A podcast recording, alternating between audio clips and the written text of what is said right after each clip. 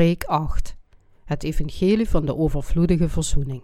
Johannes hoofdstuk 13, vers 1 tot en met 17.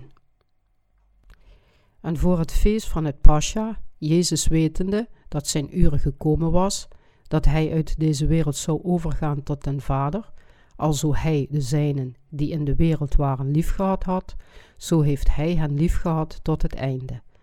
En als het avondmaal gedaan was, tot nu de duivel in het hart van Judas, Simons zoon Iskarot, gegeven had dat hij hem verraden zou. Jezus wetende dat de Vader hem alle dingen in de handen gegeven had en dat hij van God uitgegaan was en tot de God heen ging, stond op van het avondmaal en legde zijn klederen af en nemende een linnen doek omgorde zichzelf. Daarna goot hij water in het bekken en begon de voeten der discipelen te wassen en af te drogen met den linnen doek waarmede hij omgord was. Hij kwam dan tot Simon Petrus en die zeide tot hem, Heere, zult gij mij de voeten wassen? Jezus antwoordde en zeide tot hem, Wat ik doe, weet gij nu niet, maar gij zult het na deze verstaan. Petrus zeide tot hem, Gij zult mijn voeten niet wassen in der eeuwigheid. Jezus antwoordde hem, Indien ik u niet wasse, gij hebt geen deel met mij. Simon Petrus zeide tot hem, Heere, niet alleen mijn voeten, maar ook de handen en het hoofd. Jezus zeide tot hem, Die gewassen is, heeft niet van noden dan de voeten te wassen, maar is geheel rein. En gij lieden zijt rein, doch niet allen. Want hij wist wie hem verraden zou. Daarom zeide hij, Gij zijt niet allen rein. Als hij dan hun voeten gewassen en zijn klederen genomen had, zat hij wederom aan en zeide tot hen: Verstaat gij wat ik u lieden gedaan heb? Gij heet mij meester en Heere, en gij zegt wel, want ik ben het. Indien ik, de Heere en de Meester, uw voeten gewassen heb, zo zijt gij ook schuldig elkanders voeten te wassen. Want ik heb u een voorbeeld gegeven, opdat, gelijkerwijs ik u gedaan heb, gij lieden ook doet. Voorwaar, voorwaar zeg ik u, een dienstknecht is niet meerder dan zijn heer, noch een gezant meerder dan die hem gezonden heeft. Indien gij deze dingen weet, zalig zijt gij, zo gij derzelve doet.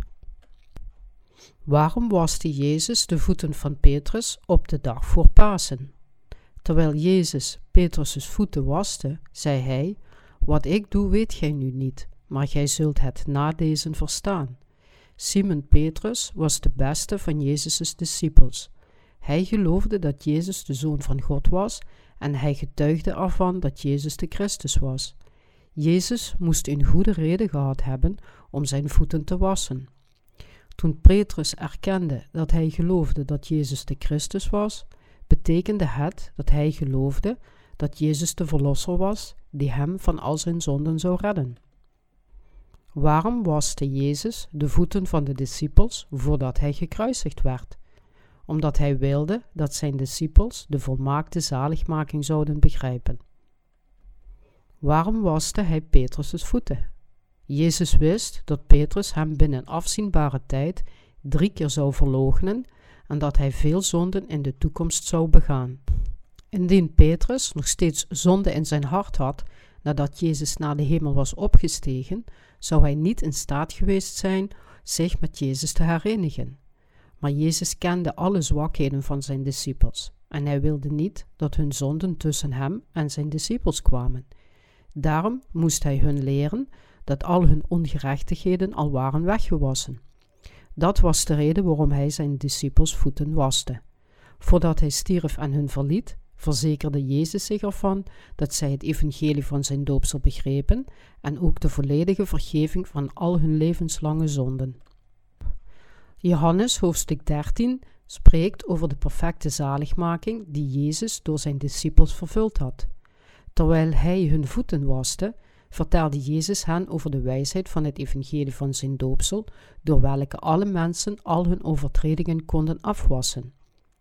Word in de toekomst niet door de duivel misleid. Ik heb al uw zonden met mijn doopsel in de rivier de Jordaan weggenomen, en ik zal het oordeel voor deze zonden op me nemen aan het kruis. Daarna zal ik van de dood herrijzen en de zaligmaking van de wedergeboorte voor u allemaal vervullen. Om u te leren dat ik uw toekomstige zonden reeds heb weggewassen, om u het originele evangelie van de vergeving van zonden te leren, was ik uw voeten voordat ik gekruisigd word. Dit is het geheim van het evangelie van de wedergeboorte. U moet het al dus geloven. We moeten allemaal de reden begrijpen waarom Jezus de voeten van zijn discipels waste en weten waarom hij zei: Wat ik doe, weet gij nu niet, maar gij zult het na deze verstaan. Alleen dan kunnen we in het evangelie van de wedergeboorte geloven en zelf wedergeboren worden. Hij zei in Johannes hoofdstuk 13, vers 12: Wat zijn de overtredingen?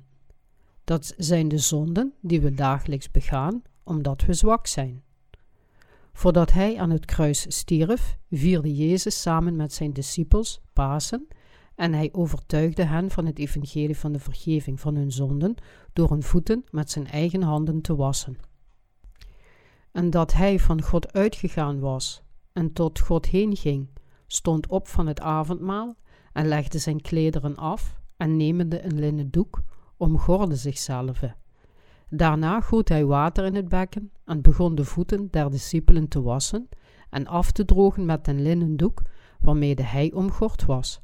Hij dan kwam tot Simon Petrus en die zeide tot hem, Heere, zult gij mij de voeten wassen? Jezus antwoordde en zeide tot hem, Wat ik doe, weet gij nu niet, maar gij zult het na deze verstaan. Johannes hoofdstuk 13, vers 3 tot en met 7. Hij leerde zijn discipels het evangelie van het doopsel en de verzoening voor de zonden door het water en zijn doopsel. Op dat moment, trouw zijnde aan Jezus, kon Petrus de reden waarom Jezus zijn voeten waste niet begrijpen. Nadat Jezus tot hem had gesproken, was de manier waarop hij in Jezus geloofde veranderd. Jezus wilde hem over de vergeving van zonden leren, over het evangelie van het water van zijn doopsel. Hij maakte zich zorgen dat Petrus niet in staat zou zijn om naar hem toe te komen vanwege zijn toekomstige zonden, in het bijzonder zijn vleeselijke zonden in de toekomst. Jezus waste hun voeten, zodat de duivel niet het geloof van zijn discipels kon wegnemen. Later begreep Petrus waarom. Jezus bereidde de weg, zodat iedereen die in het water van zijn doopsel en in het bloed geloofde, voor altijd van zijn zonden verlost kon worden. In Johannes hoofdstuk 13 staan de woorden genoteerd die hij tijdens de voetwassing van zijn discipels sprak. Het zijn zeer belangrijke woorden die enkel de wedergeborenen echt kunnen begrijpen. Jezus waste de voeten van zijn discipels voor het paasfeest om hen te helpen zich te realiseren dat hij reeds al hun levenslange zonden had weggewassen. Jezus zei wat ik doe, weet gij nu niet, maar gij zult het na deze verstaan. Deze woorden aan Petrus bevatten de waarheid van de eeuwige verlossing in hem. We zouden allemaal van het doopsel van Jezus, dat al onze onrechtvaardigheden wegwasten, moeten weten en erin moeten geloven. Het doopsel van Jezus in de Jordaan was het evangelie van het doorgeven van de zonden door het opleggen van handen. We zouden allemaal in de woorden van Jezus moeten geloven. Hij nam alle zonden van de wereld weg door zijn doopsel en hij volbracht de vergeving van de zonden door veroordeeld te worden en te worden gekruisigd. Jezus werd gedoopt om alle mensen van hun zonden te verlossen. De vergeving van alle levenslange overtredingen werd vervuld met het doopsel en het bloed van Jezus. Jezus wist heel goed dat nadat hij gekruisigd was, herrezen en opgestegen naar de hemel, de duivel en de verschaffers van het onware geloof zouden komen om de discipels te proberen te bedriegen. We kunnen aan de getuigenis van Petrus zien: Gij zijt de Christus, de Zoon van de levende God, dat hij in Jezus geloofde. Maar toch wilde Jezus, Petrus, nog één keer het evangelie van de vergeving van de zonden leren. Het evangelie van het doopsel van Jezus, door welke hij alle zonden van de wereld wegnam. Hij wilde het nog één keer aan Petrus en aan de discipels leren en ook aan ons, die later zouden komen. Wat ik doe, weet gij nu niet, maar gij zult het na deze verstaan. Wat is de valstrik van de duivel tegen de rechtvaardigen? De duivel probeert de rechtvaardigen te bedriegen om hen weer zondaards te maken. Altijd wanneer de discipels van Jezus zondigden, zou de duivel hen verzoeken en veroordelen, zeggende: Hoe kunt u zonder zonden zijn als u zondigt? U bent niet gered geworden, u bent een zondaard.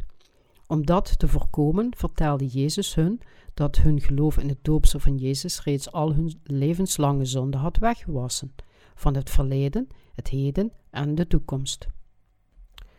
U weet allemaal dat ik gedoopt ben. De reden dat ik gedoopt werd in de Jordaan was om al uw levenslange zonden weg te wassen, evenals de erfzonde van de mensheid. Bent u nu in staat om te begrijpen waarom ik gedoopt werd, waarom ik gekruisigd moest worden en aan het kruis moest sterven?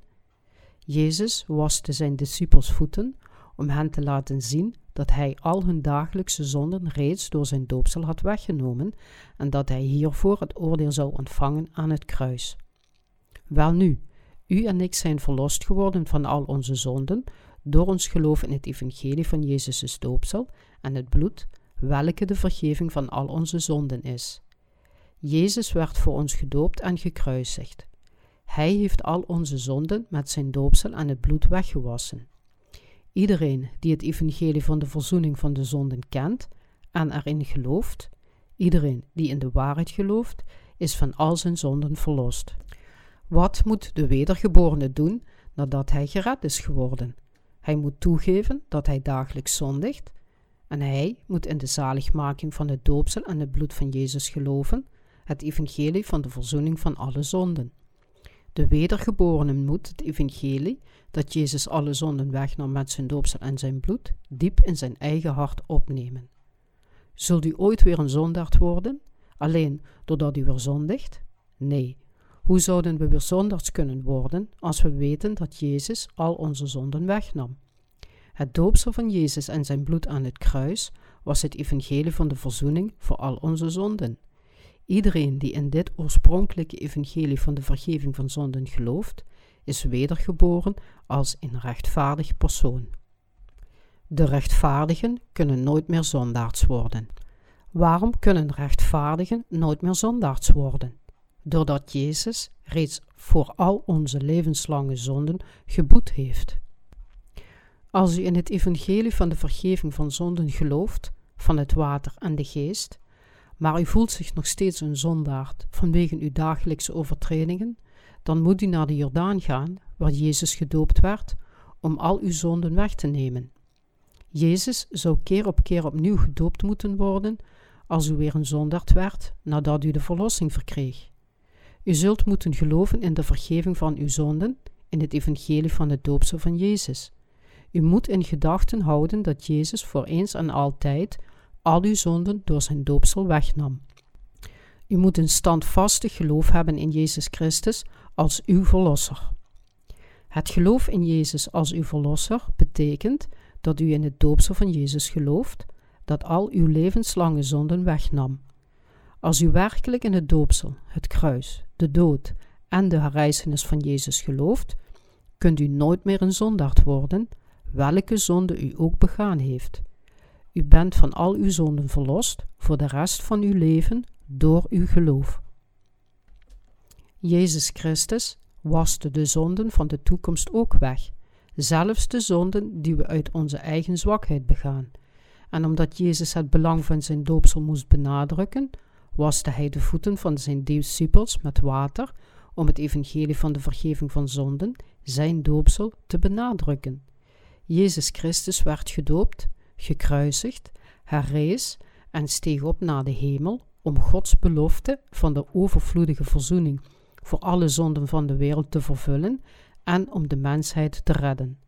Het resultaat hiervan was dat zijn discipels in staat waren om het evangelie van de verzoening van de zonden te prediken, het doopsel van Jezus, het kruis en de herrijzenis tot het einde van hun levens.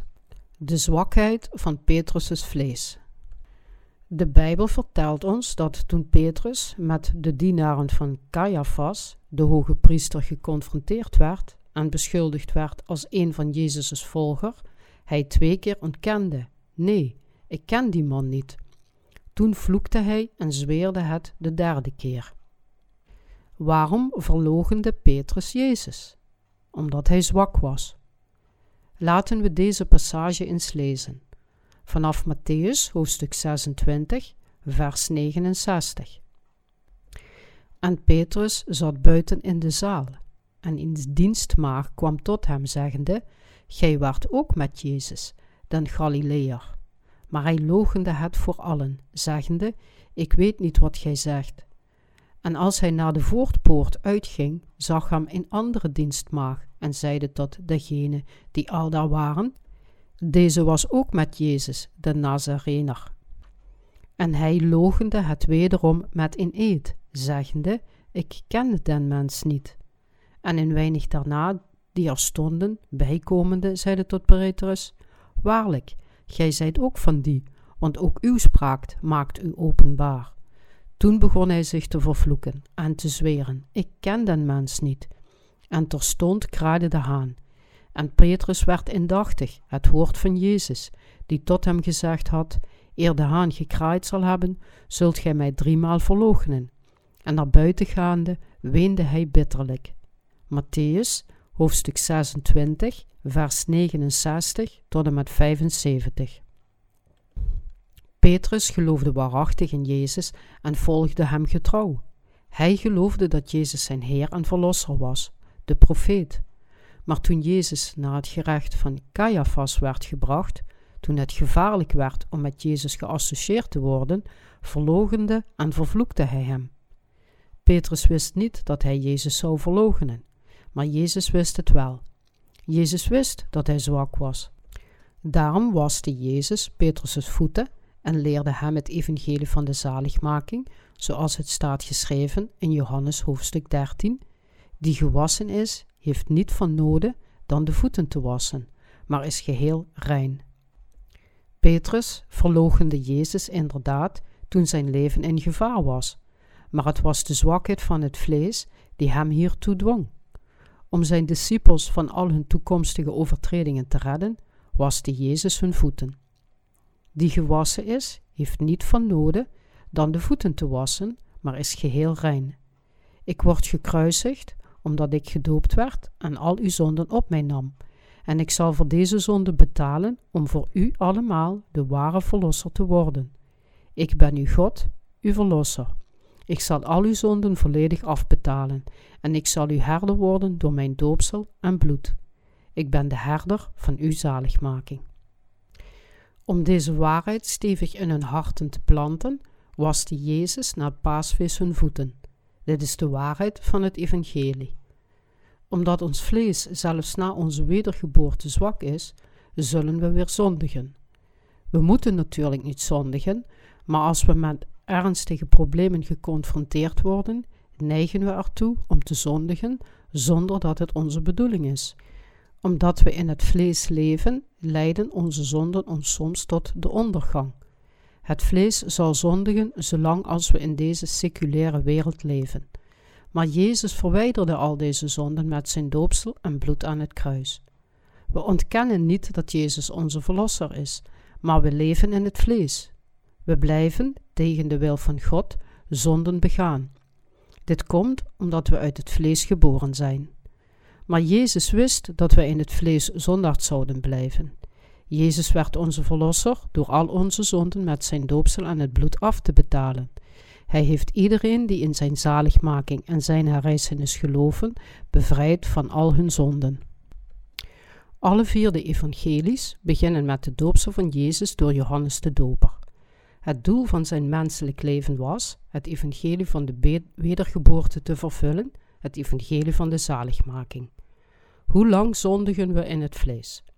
We zondigen ons hele leven tot de dag waarop we sterven. Wat zal Petrus dat pijn in het hart gedaan hebben toen hij hem niet één keer, niet twee keer, maar drie keer verlogende voordat de haan kraaide? Hoe erg moet hij zich wel niet schamen? Hij beloofde Jezus dat hij hem nooit zou verraden. Hij zondigde vanwege de zwakheid van zijn vlees, maar hoe miserabel moet hij zich gevoeld hebben toen hij, aan zijn zwakheid toegaf en Jezus niet slechts één keer, maar drie keer verloochende. Hoe gegeneerd moet hij zich gevoeld hebben toen hij Jezus weer aanschouwde? Maar Jezus wist al deze dingen en meer. Daarom zei hij: Ik weet dat u weer zult zondigen. Maar ik heb reeds al deze zonden met mijn doopsel weggenomen. Hoe minder uw zonden u laten struikelen en u weer in een zonder te doen keren, hoe minder onmogelijk het is om naar mij terug te komen. Ik ben de complete verlosser voor u door gedoopt te zijn en door veroordeeld te zijn voor al uw zonden. Ik ben uw God geworden, uw herder. Geloof in het evangelie van de vergeving van uw zonden. Ik zal altijd van u blijven houden, zelfs als u de zonden van het vlees blijven begaan. Ik heb reeds al uw overtredingen weggewassen. Het evangelie van de vergeving van uw zonden is voor altijd.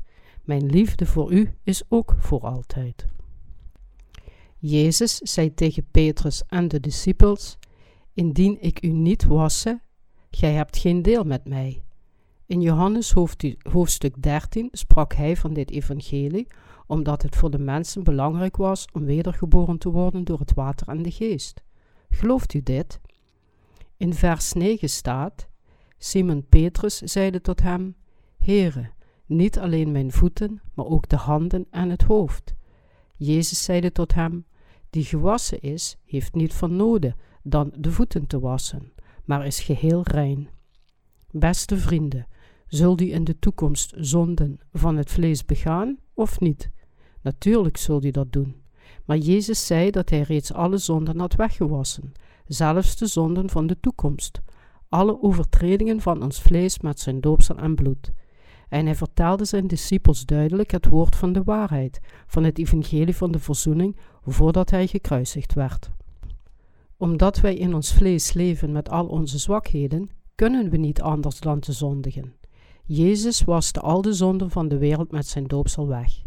Hij heeft niet alleen ons hoofd en lichaam gewassen, maar hij heeft ook onze voeten gewassen, onze zonden van de toekomst. Dit is het evangelie van de wedergeboorte, van het doopsel van Jezus. Nadat Jezus gedoopt was, getuigde Johannes de Doper: Zie, het Lam Gods, dat de zonde der wereld wegneemt. Johannes, hoofdstuk 1, vers 29. We zouden moeten geloven dat alle zonden van de wereld zijn weggewassen, doordat deze aan Jezus zijn doorgegeven toen hij gedoopt werd. Terwijl we in deze wereld leven, kunnen we niet anders dan zondigen. We moeten dat als een ultiem feit accepteren. Altijd wanneer onze zwakheid van het vlees aan het oppervlakte komt, moeten we ons aan herinneren dat Jezus al onze zonden en al onze zonden van de wereld heeft weggewassen door het evangelie van vergeving en voor deze zonde met zijn bloed heeft betaald. We zouden hem moeten danken vanuit het diepst van ons hart. Laat ons met geloof erkennen dat Jezus onze Verlosser en onze God is. Prijs de Heer. Iedereen in deze wereld zondigt in het vlees. Mensen zondigen constant met hun vlees en sterven aan hun levenslange zonden. Kwade gedachten in de harten van de mensen. Wat verontreinigt een persoon? Verschillende soorten zonden en kwade gedachten. Jezus zegt in Matthäus hoofdstuk 15, vers 19 en 20: Want uit het hart komen voort boze bedenkingen, doodslagen, overspelen, hoererijen, dieverijen, valse getuigenissen, lasteringen. Deze dingen zijn het die den mens verontreinigen. Maar het eten met ongewassen handen verontreinigt den mens niet. Omdat verschillende soorten zonden in het hart van een persoon hem verontreinigen, is hij onrein. Men moet zijn eigen kwade aard herkennen. Wat zit er in het hart van elke mens? De twaalf soorten zonden. Marcus, hoofdstuk 7, vers 21 tot en met 23. We moeten in staat zijn om te zeggen: deze twaalf soorten zonden zitten in de harten van de mensen. Ik heb ze allemaal in mijn hart. Ik heb de twaalf soorten zonden in mijn, waarover in de Bijbel wordt geschreven. Voordat we wedergeboren worden uit het water en de geest, moeten we toegeven dat deze zonden in onze harten zitten. We moeten erkennen dat we absolute zondaard zijn voor God, maar dat doen we niet vaak. De meesten onder ons maken voor hun zonden excuses, zoals Ik had van tevoren nooit zulke gedachten in mijn hart. Ik werd verleid. Maar wat zei Jezus over menselijke wezens? Hij gaf duidelijk te kennen dat wat uit het hart van een mens komt, hem verontreinigt. Hij zei ons dat de mensen kwade gedachten in zich hebben. Wat denkt u? Bent u goed of slecht? Weet u dat iedereen kwade gedachten heeft? Ja, de gedachten van iedereen zijn slecht. Enkele jaren geleden stortte het gebouw van een warenhuis Sampong in Seoul plotseling in. De families die hun geliefde verloren hadden, leden zwaar. Maar veel mensen gingen erheen om van het trage spektakel te genieten. Sommigen dachten: hoeveel zijn er gestorven? 200? Nee, dat is te weinig. 300 misschien. Nou ja, het zou veel interessanter en spectaculairder geweest zijn als het aantal doden tenminste duizend zou zijn geweest. Het hart van de mensen kan zo slecht zijn. Dit moeten we accepteren. Wat hadden zij weinig respect voor de doden. De families waren diep geschokt en sommigen waren financieel geruïneerd. Het is duidelijk dat sommigen van de ramptoeristen niet erg meevoelend waren. Het zou veel interessanter zijn geweest als er meer doden waren. Wat een spektakel! Stel u voor dat hetzelfde gebeurt met een voetbalstadion vol mensen. Duizenden zouden onder een puin begraven worden, niet? Oh ja, dat zou vast en zeker veel interessanter zijn dan dit. Sommigen hadden misschien zulke gedachten. Hetzelfde fenomeen kunnen we zien bij auto-ongelukken. De nieuwsgierige toeschouwers zijn vaak teleurgesteld in kleine ongelukken. We weten allemaal hoe slecht mensen soms kunnen zijn. Natuurlijk zouden ze zulke gedachten nooit hardop zeggen. Ze zullen op hun tong bijten en hun sympathie betuigen, maar in het geheim, in hun, in hun hart verlangen ze erna dat er meer sensatie is. Ze willen verschrikkelijke tragedies zien waarin duizenden mensen gedood zijn, zolang ze maar niet zelf betroffen zijn. Zo werkt het hart van de mens. De meesten onder ons zijn zo voordat ze wedergeboren zijn. Moord in het hart van elke persoon. Waarom zondigen we? Omdat we kwade gedachten in ons hart hebben. God vertelde ons dat er in de harten van elke persoon moord is. Maar velen zullen dit voor God ontkennen en zeggen: Hoe kunt u dat zeggen? Ik heb geen enkele gedachte van moord in mijn hart. Hoe kunt u zoiets ooit denken? Ze zullen nooit toegeven dat zij moord in hun hart hebben. Zij denken dat moordenaars van een ander ras zijn. Die seriemoordenaar op het nieuws gisteren, die gangsters die mensen in hun kelder vermoorden en verbranden, zij zijn het die moord in hun hart hebben. Zij zijn van een ander ras. Ik kan nooit zoiets zoals hen worden. Dat zijn schurken, moordenaars. Ze zijn verontwaardigd en schreeuwen: zij die uit kwade zaad geboren zijn, zouden van het aardoppervlak weggevaagd moeten worden. Ze zouden allemaal ter dood veroordeeld moeten worden. Maar helaas, de gedachte aan moord is even goed in de harten van deze verontwaardigde mensen als in de harten van seriemoordenaars en moordenaars. God zegt ons dat er in de harten van alle mensen moord is. We moeten het woord van God, die weet wat er in ons hart zit, accepteren. We moeten toegeven: ik ben een zondaard met moord in mijn hart. Ja, God vertelt ons dat er kwade gedachten in de harten van alle mensen zijn, inclusief moord. Laat ons het woord van God accepteren. Van generatie tot generatie worden de mensen slechter. Ze gebruiken allerlei soorten van materialen die voor bescherming zijn bedoeld als moordwapens. Dit is het resultaat van de moord in ons hart. U kunt in een moment van woede of angst doden. Ik zeg niet dat iedereen van ons zou doden, maar we hebben allemaal de gedachten ervan in ons hart. Omdat mensen met slechte gedachten zijn geboren, hebben we ze allemaal in ons hart. Sommigen eindigen inderdaad moordend, niet omdat zij geboren moordenaars zijn, maar omdat wij allemaal ertoe in staat zijn om moordenaars te worden. God vertelt ons dat we slechte gedachten en moord in ons hart hebben. Het is de waarheid. Niemand van ons is een uitzondering op deze waarheid. Daarom is het voor ons de juiste weg om het woord van God te accepteren en te gehoorzamen. We zondigen in deze wereld omdat we kwade gedachten in ons hart hebben. Overspel in onze harten. God zegt dat er overspel in het hart van ieder persoon is. Bent u het hiermee eens? Geeft u toe dat u overspel in uw hart heeft? Ja, er is overspel in het hart van iedere persoon. Daarom bloedt de prostitutie en andere zondige bezigheden in onze maatschappij. Het is een van de zekerste manieren om geld te verdienen in iedere periode van de menselijke geschiedenis. Andere bedrijven kunnen onder economische depressie lijden, maar deze verachtelijke zaken lijden niet zoveel omdat er in de harten van alle mensen overspel woont. De vrucht van zondaars is de zonde. Met wat kunt u een menselijk wezen vergelijken? De boom die de vrucht van de zonde draagt. Net zoals appelbomen appels dragen, peren, perenbomen peren, dadelbomen dadels en dadelpruimbomen dadelpruimen, zo dragen wij die geboren zijn met de twaalf soorten zonden in ons hart, de vrucht van de zonde. Jezus zegt dat wat uit het hart van een mens komt, hem verontreinigt. Bent u het hiermee eens? We kunnen het alleen maar eens zijn met de woorden van Jezus en zeggen: Ja, we zijn een broedsel van zondaars, kwaaddoeners. Ja, u hebt gelijk, Heer. Ja, we moeten onze slechtheid toegeven. We moeten de waarheid in het aangezicht van God tot onszelf toegeven. Net zoals Jezus Christus de wil van God gehoorzaamde, moeten wij het woord van God accepteren en Hem gehoorzamen. Dit is de enige manier waarop wij van al onze zonden door het water en de geest gered kunnen worden. Dit zijn de geschenken van God. Mijn land is gezegend met vier prachtige seizoenen. En terwijl de seizoenen voorbij schrijden, dragen verschillende soorten van bomen hun vruchten. Op dezelfde wijze hebben de twaalf zonden in ons hart een greep op ons en leiden ons constant tot de zonden. Vandaag kan het moord zijn die een greep op ons hart heeft. Morgen kan het overspel zijn.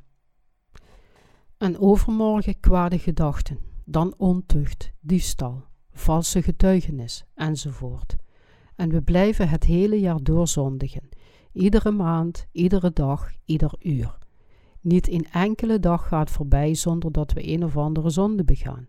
We blijven beloftes maken die we wegblijven van de zonden, maar omdat we zo geboren zijn, kunnen we het niet helpen toch weer te zondigen. Heeft u ooit een appelboom gezien die weigert appels te dragen? Ik wil geen appels dragen. Zelfs als de appelboom besloten had te weigeren om appels te dragen, hoe zou deze geen appels kunnen dragen? In de lente zouden de bloemen toch bloeien. De appels zouden groeien en rijpen in de zomer. En in de herfst zou het fruit rijp zijn en klaar om geplukt te worden. Het is de voorzienigheid van de natuur. En het leven van de zondaars moet ook de voorzienigheid van de natuur volgen.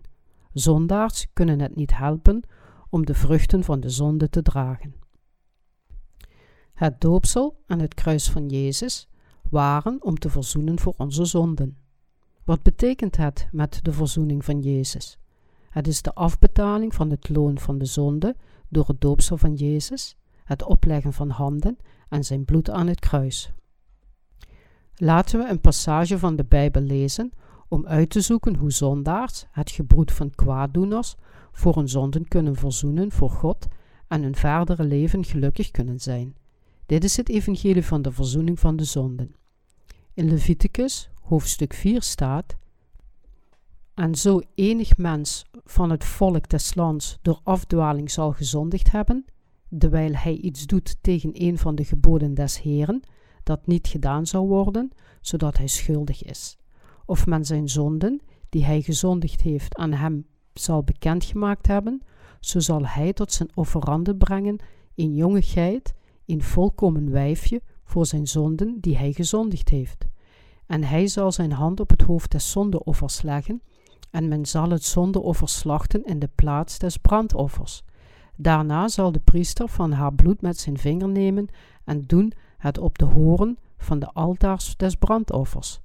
Dan zal hij al het bloed daarvan aan de bodem van den altaar uitgieten, en al haar vet zal hij afnemen, gelijk als het vet van het dankoffer afgenomen wordt, en de priester zal het aansteken op het altaar tot het lieflijke reuk des Heren. En de priester zal voor hem verzoening doen, en het zal hem vergeven worden. Leviticus hoofdstuk 4, vers 27 tot en met 31. Hoe deden de mensen in de dagen van het Oude Testament verzoening voor hun zonden? Zij legden hun handen op het hoofd van het zonderoffer en gaven zo hun zonden door. Het staat geschreven in Leviticus. Als een mens uit den Heere in offeranden zal offeren, gij zult u offeren, offeren aan het vee, van runderen en van schapen. Indien zij offeranden in brandoffer van runderen is, zo zal hij een volkomen mannetje offeren. Aan de deur van de tent der samenkomst zal hij dat offeren, naar zijn welgevallen, voor het aangezicht des Heeren. En hij zal zijn hand op het hoofd des brandoffers leggen, opdat het voor hem aangenaam zij om hem te verzoenen. Leviticus hoofdstuk 1, vers 2 tot en met 4. God liet hun offergaven voorbereiden die gebruikt zouden worden voor de verzoening van de zonden van Israël. En hij vertelde hen dat ze hun handen moesten opleggen op het hoofd van de offergaven om de zonden eraan door te geven.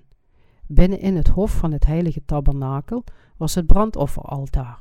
Het had de vorm van een doos en was iets groter dan de preekstoeltafel en het had horens op de vier hoeken. De mensen van Israël verzoenden voor hun zonden door hun zonden aan het hoofd van het offer door te geven en het vlees van het offer op het altaar te verbranden.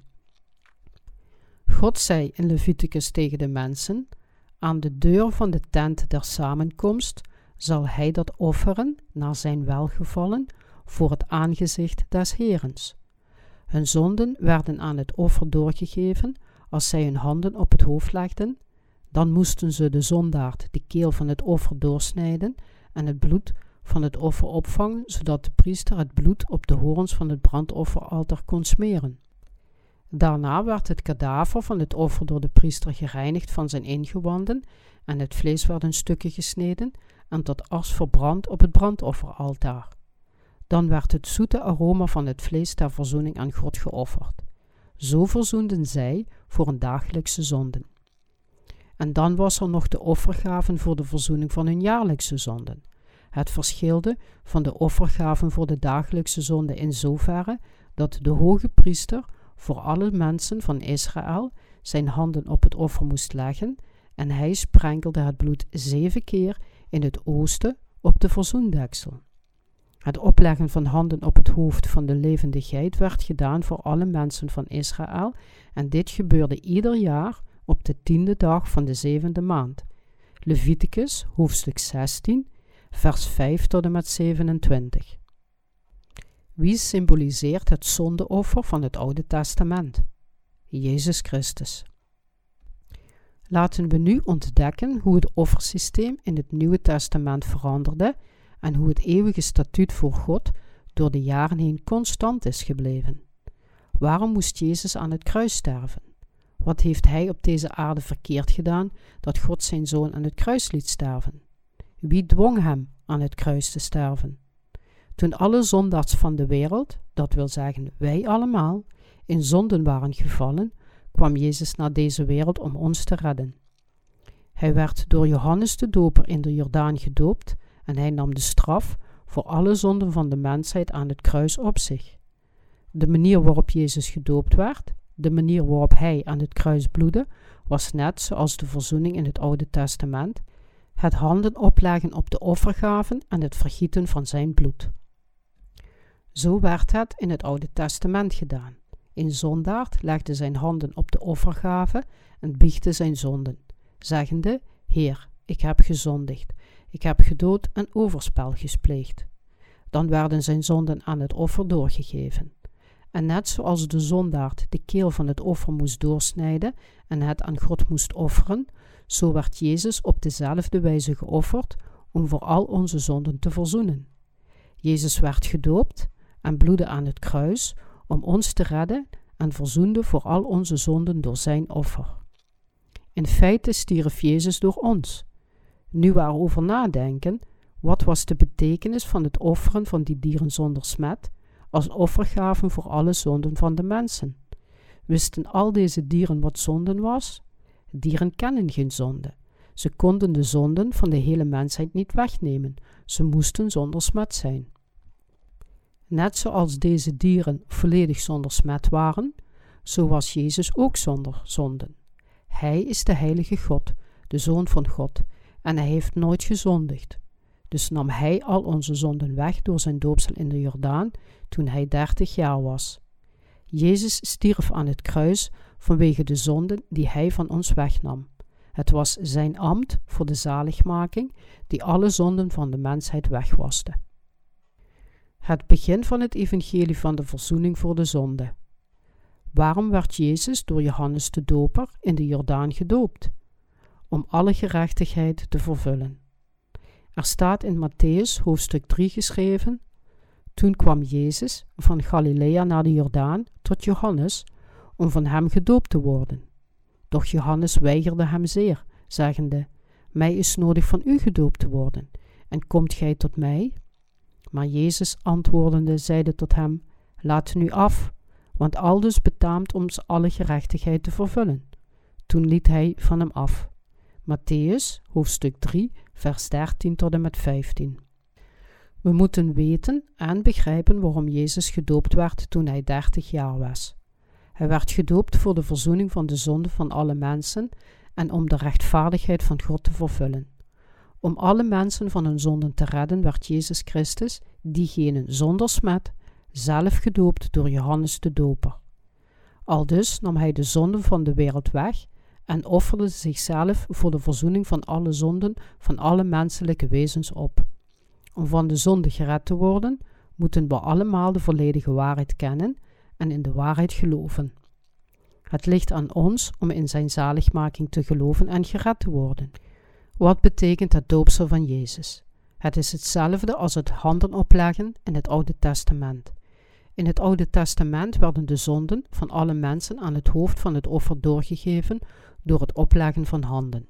Zo nam ook Jezus in het Nieuwe Testament alle zonden van de wereld op zich door zichzelf aan te bieden als het zondeoffer, door gedoopt te worden door Johannes de Doper. Johannes de Doper was de grootste man onder alle mensen, de vertegenwoordiger van de mensheid door God ingesteld.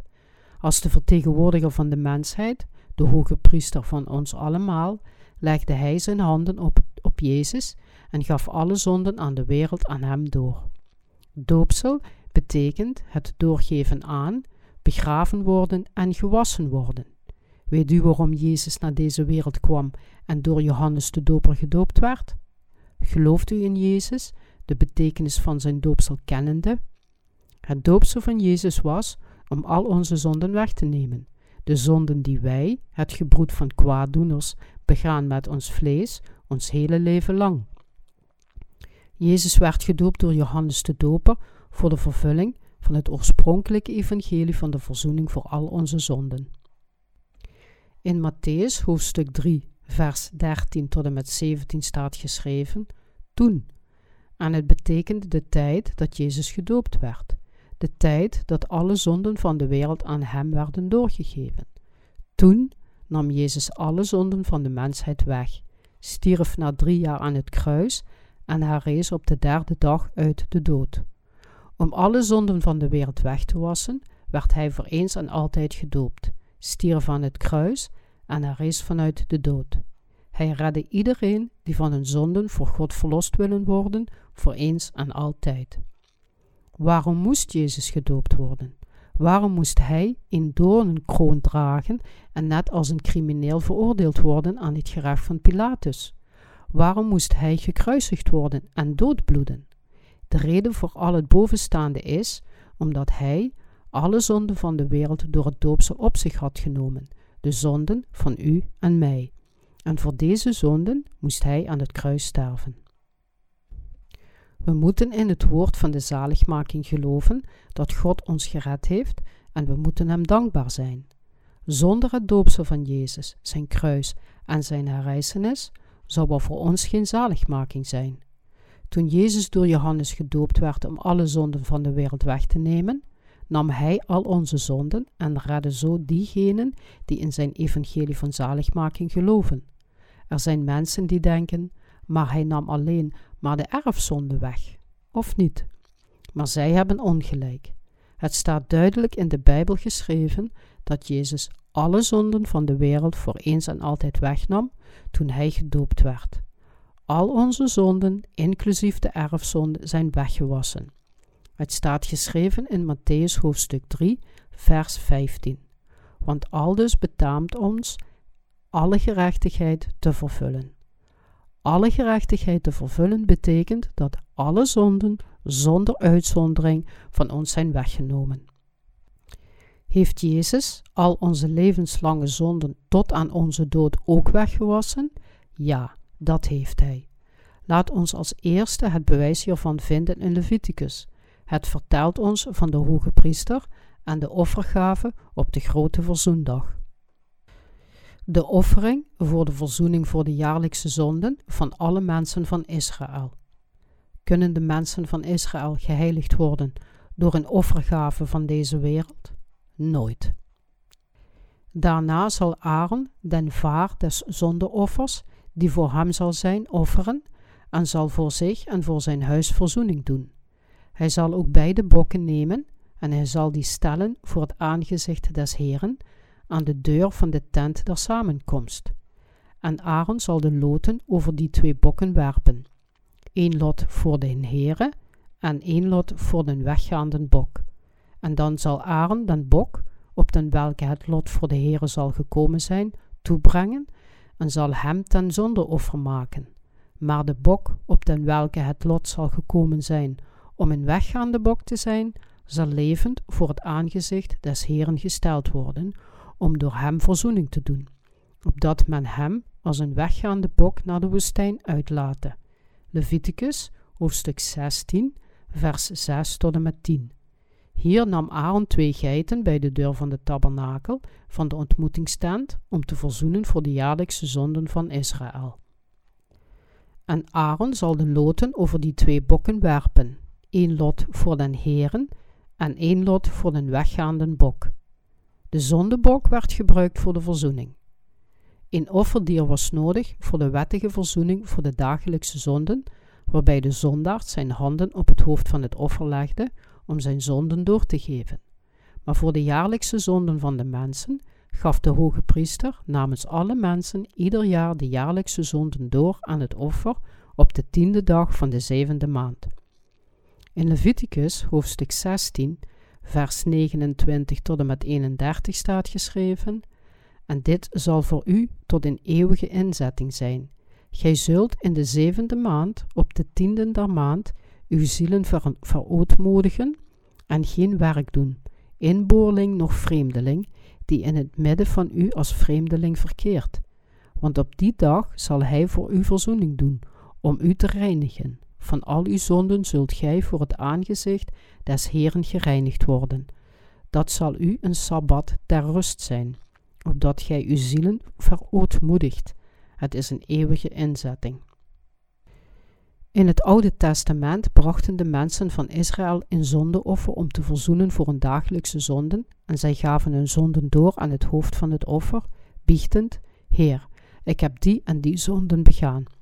Vergeef me alstublieft.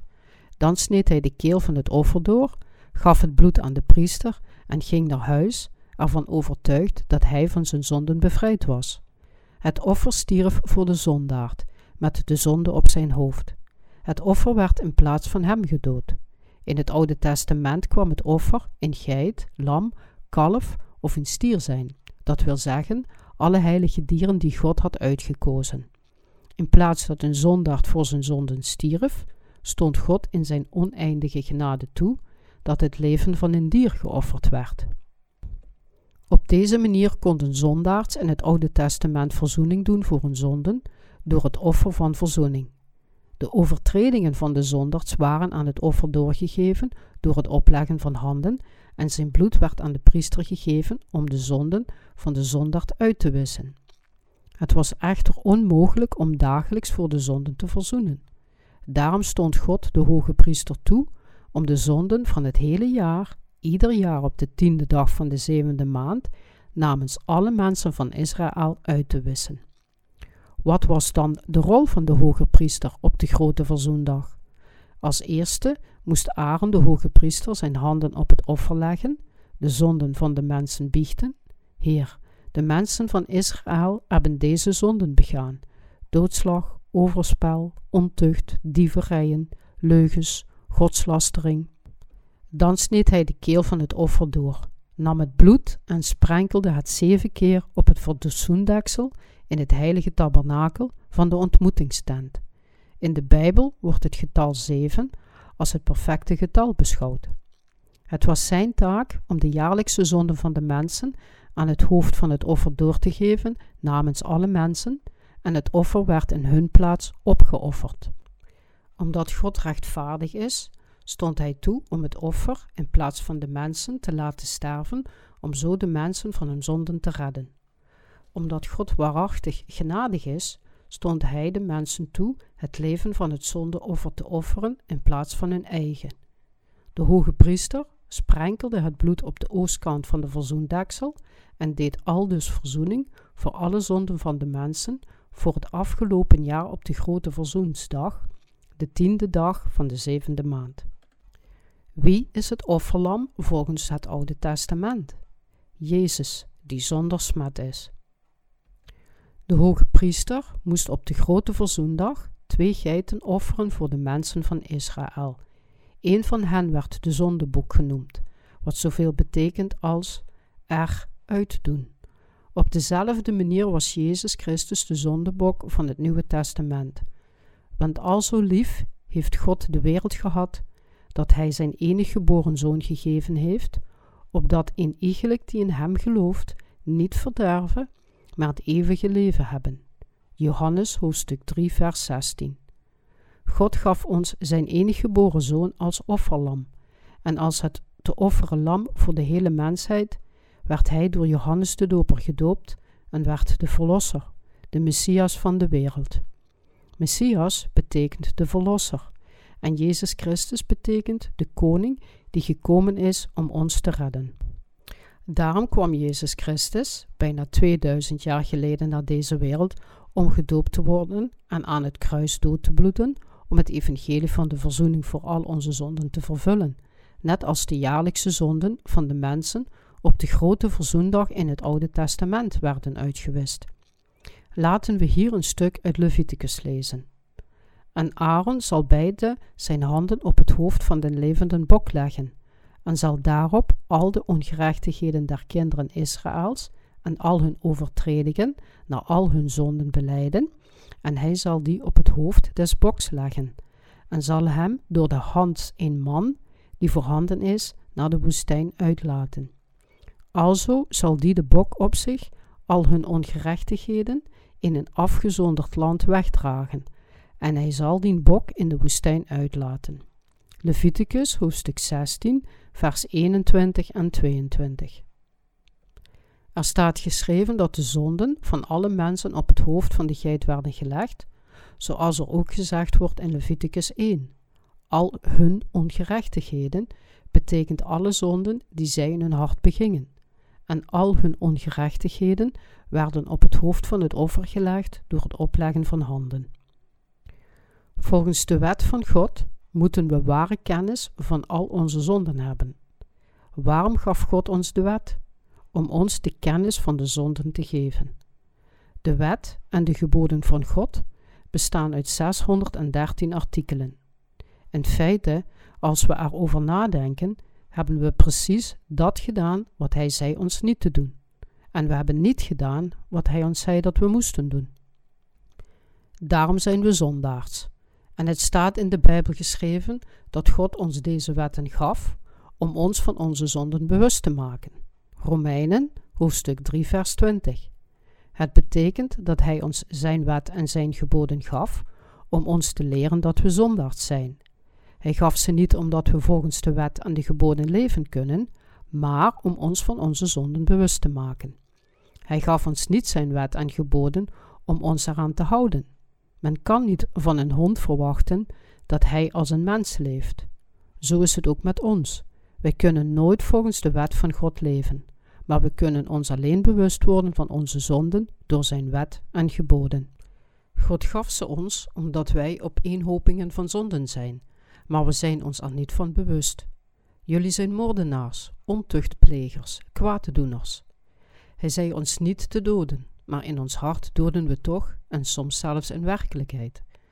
Echter, omdat de wet geschreven staat dat we niet mogen doden, weten we dat we moordenaars zijn, zeggende: Ah, ik was verkeerd. Ik ben een zondaard omdat ik iets deed dat ik niet had mogen doen.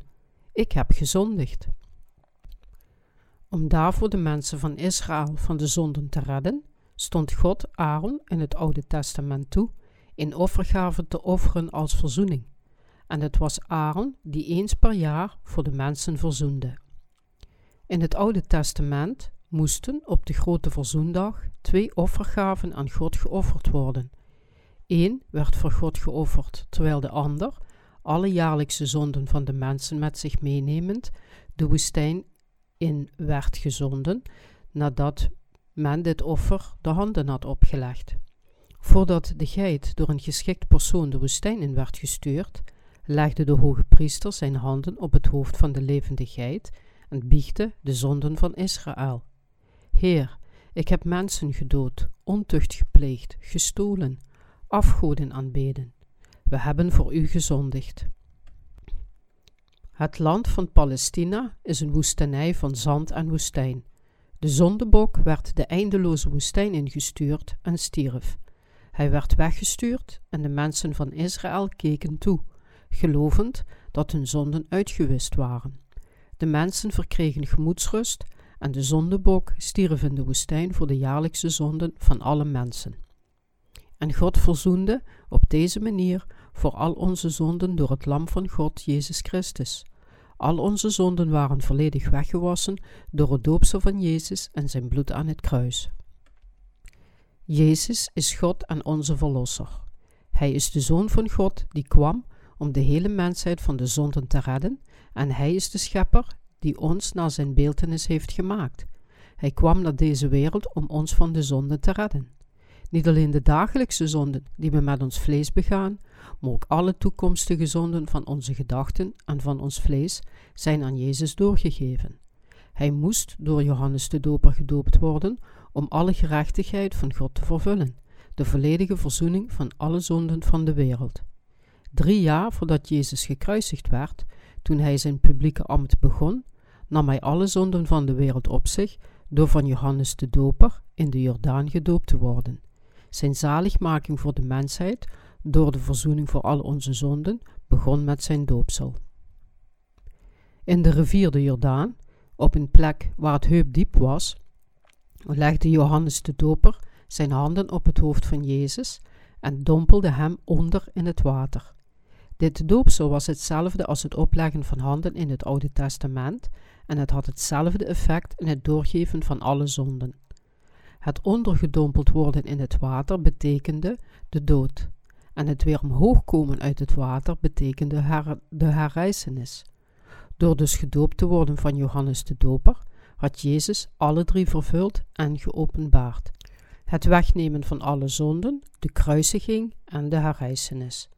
We kunnen alleen gered worden als we de woorden waarmee Jezus ons van de zonde redde, gehoorzamen. God had besloten om ons door Jezus te redden en het verbond dat hij in het Oude Testament had gemaakt, was aldus vervuld.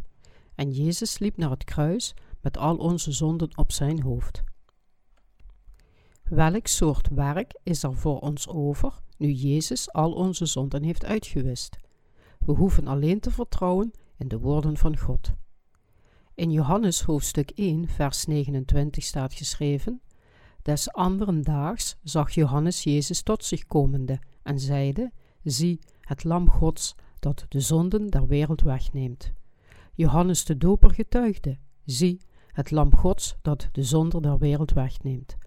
Alle zonden van de mensheid werden aan Jezus doorgegeven toen hij in de Jordaan gedoopt werd. Gelooft het, dan zult u gezegend zijn met de verzoening voor al uw zonden. We moeten geloof hebben in de woorden van God. We moeten onze eigen gedachten en stijfkoppigheid aan de kant zetten en we moeten de geschreven woorden van God gehoorzamen. We moeten eenvoudig in de waarheid dat Jezus alle zonden van de wereld wegnam geloven. Om te zeggen dat Jezus alle zonden van de wereld wegnam en om te zeggen dat Hij de rechtvaardigheid van God heeft vervuld door te verzoenen voor onze zonden, is precies hetzelfde. En het opleggen van handen en doopsel zijn ook hetzelfde. Of we nu elke, alles of het geheel zeggen, de betekenis blijft hetzelfde. De betekenis van het woord, het opleggen van handen in het Oude Testament, blijft hetzelfde in het Nieuwe Testament, behalve dat het woord doopsel nu ervoor in de plaats wordt gebruikt. Het komt neer op de eenvoudige waarheid dat Jezus was gedoopt en veroordeeld werd aan het kruis om te verzoenen voor al onze zonden. En we zijn gered als we in dit oorspronkelijke evangelie geloven. Wat bedoelen we met de zonden van de wereld? Johannes hoofdstuk 1 vers 29. Als we zeggen dat Jezus alle zonden van de wereld wegnam. We bedoelen alle zonden waarmee we zijn geboren. Dat wil zeggen, kwade gedachten, dieverijen, overspel, valse getuigenissen, hebzucht, gemeenheden, godslastering, trots en dwaasheden die in onze gedachten wonen. Het betekent alle overtredingen en zonden in het vlees en in het hart. Want de bezoldiging der zonde is de dood, maar de genadegift Gods is het eeuwige leven door Jezus Christus, onze Heere. Romeinen, hoofdstuk 6, vers 23. En alle dingen worden bijna door bloed gereinigd naar de wet, en zonder bloedstorting geschiet geen vergeving. Hebreeën, hoofdstuk 9, vers 22. Zoals in deze versen geschreven staat, is voor alle zonden betaald. En Jezus Christus heeft zijn eigen leven geofferd aan het loon van de zonden voor ons allemaal betaald om de hele mensheid van de zonden te redden. We hoeven alleen in het doopsel van Jezus en zijn bloed te geloven, het oorspronkelijke evangelie, en in Jezus' bestaan als onze God en onze Verlosser, om van al onze zonden verlost te worden. De verzoening voor de zonden van morgen. Moeten we nog in offergaven aanbieden voor onze zonden? Nooit meer. De zonden van morgen en overmorgen en de zonden die we begaan tot de dag waarop sterven, zijn in de zonden van de wereld inbegrepen, evenals de zonden van vandaag, gisteren en eergisteren. De zonden van de mensen vanaf de geboorte tot de dood zijn deel van de zonden van de wereld. En de zonden van de wereld waren doorgegeven aan Jezus door zijn doopsel. Daarom zijn alle zonden die we begaan tot de dag waarop we sterven, al van ons weggenomen. En we hoeven alleen maar te geloven in dit oorspronkelijke evangelie, de geschreven woorden van God, en te gehoorzamen om gered te worden. We moeten onze eigen gedachten aan de kant zetten om bevrijd te worden van al onze zonden. U zult zich afvragen: hoe kan Hij de zonden die nog niet begaan zijn wegnemen? Waarop ik u zou willen vragen: zou Jezus iedere keer als wij zondigen naar deze wereld moeten komen en keer op keer bloed moeten vergieten? Binnen het evangelie van wedergeboren zijn is er de wet van verzoening voor zonden. En zonder bloedstorting geschiet geen vergeving. Hebreeën hoofdstuk 9 vers 22. Indien iemand van zijn zonden verlost wilde worden, moest hij zijn zonden doorgeven aan het zondeoffer, door middel van het opleggen van handen, en het zondeoffer moest sterven voor zijn zonden. Op ongeveer dezelfde manier kwam de Zoon van God naar deze wereld om de hele mensheid te redden.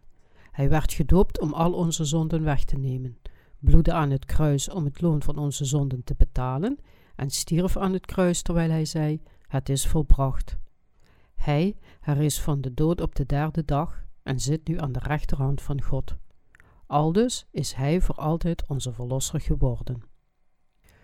Om volledig van onze zonden verlost te worden, moeten we al onze vaste denkpatronen en de religieuze doctrine die we iedere dag van onze dagelijkse zonden verlost moeten worden, overboord gooien.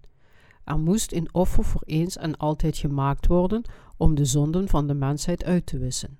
God in de hemel gaf alle zonden van de wereld door aan zijn eigen zoon door zijn doopsel, en hij liet hem kruisigen voor ons.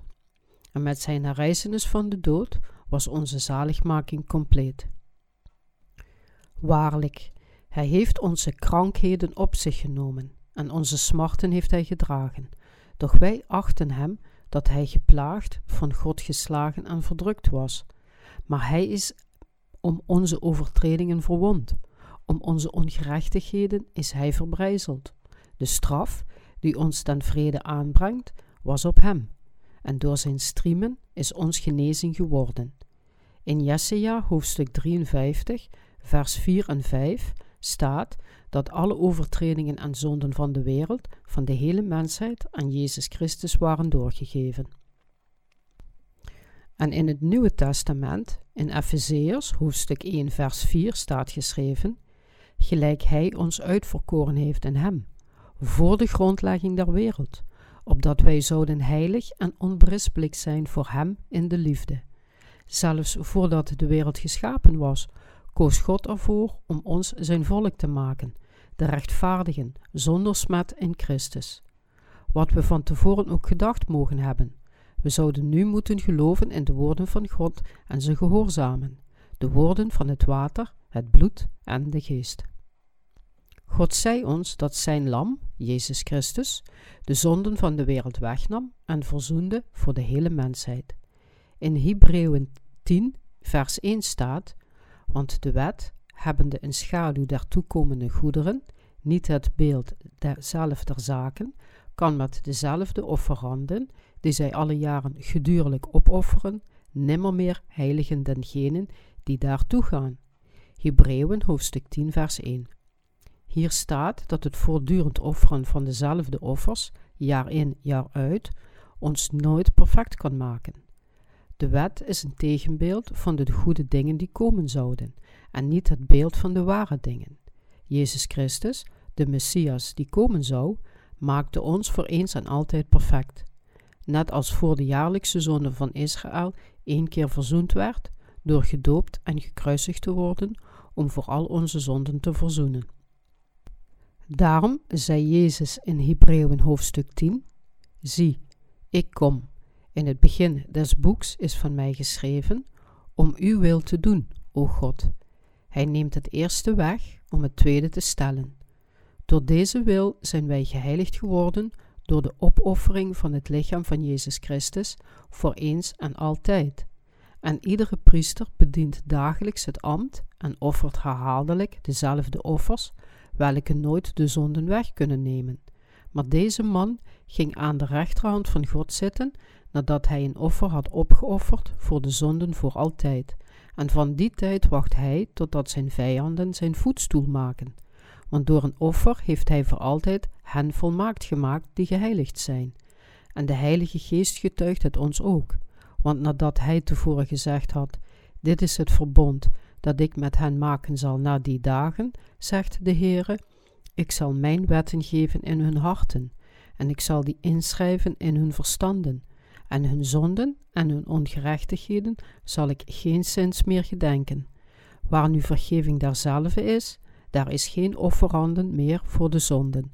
Hebreeën hoofdstuk 10, vers 9 tot en met 18. En wij geloven dat Jezus ons gered heeft van alle zonden van de wereld door zijn doopsel en bloed aan het kruis.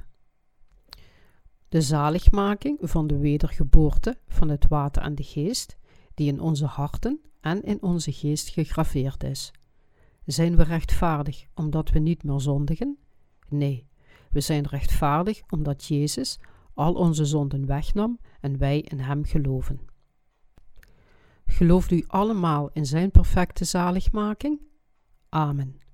Gehoorzaamt u met geloof aan de woorden van God dat Jezus Christus zelf gedoopt was en aan het kruis bloedde om ons te redden? We moeten geloof hebben in zijn woord om wedergeboren te worden. Wanneer we geloven dat Jezus Christus door het evangelie van de verlossing al onze zonden wegwasten en alle zonden van de wereld, dan kunnen we gered worden. We kunnen nooit zondeloos worden door de wet van God te gehoorzamen, maar we kunnen volmaakt worden door ons geloof in de werken van God. Jezus Christus nam al onze zonden door zijn doopsel in de Jordaan weg en hij leidde het oordeel en de bestraffing voor al onze zonden aan het kruis. Door te geloven in dit evangelie met ons hele hart, kunnen we verlost worden van al onze zonden en rechtvaardig worden. Gelooft u dit? Het doopsel van Jezus, zijn kruisiging en de herrijzenis zijn voor de verlossing van alle zonden van de mensheid en de wet van de zaligmaking gebaseerd op de oneindige liefde van God. God houdt van ons zoals we zijn en hij is rechtvaardig. Dus maakte hij ons eerst rechtvaardig. Hij maakte ons rechtvaardig door al onze zonden aan Jezus door te geven door het doopsel. Om al onze zonden weg te wassen, zond Hij Zijn enige Zoon, Jezus, voor ons naar deze wereld. Hij stond Jezus toe om alle zonden van de wereld door het doopsel van Jezus weg te nemen, en Hij gaf toen voor al onze zonden het oordeel aan Zijn Zoon. Hij maakte ons Zijn rechtvaardige kinderen door de zaligmaking van het water en het bloed. Er staat geschreven in Hebreeën, hoofdstuk 10, vers 16: Ik zal mijn wetten geven in hun harten, en ik zal die inschrijven in hun verstanden. Als we de woorden van God gehoorzamen, worden we rechtvaardig. Jezus Christus nam al onze zonden weg en hij werd door hen veroordeeld. Jezus Christus is onze Verlosser. We kunnen denken: hoe kunnen we rechtvaardig zijn als we iedere dag zondigen? We zijn vast en zeker zondaars. Maar als we in de woorden van God geloven, net zoals Jezus de Vader gehoorzaamde, worden we rechtvaardig. Natuurlijk hadden we, zoals ik al eerder gezegd heb, zonde in ons hart voordat we wedergeboren waren. Nadat we het evangelie van de verlossing van de zonde in ons hart hebben toegelaten, zijn we gered van al onze zonden. Toen we het evangelie niet kenden, waren we zondaars.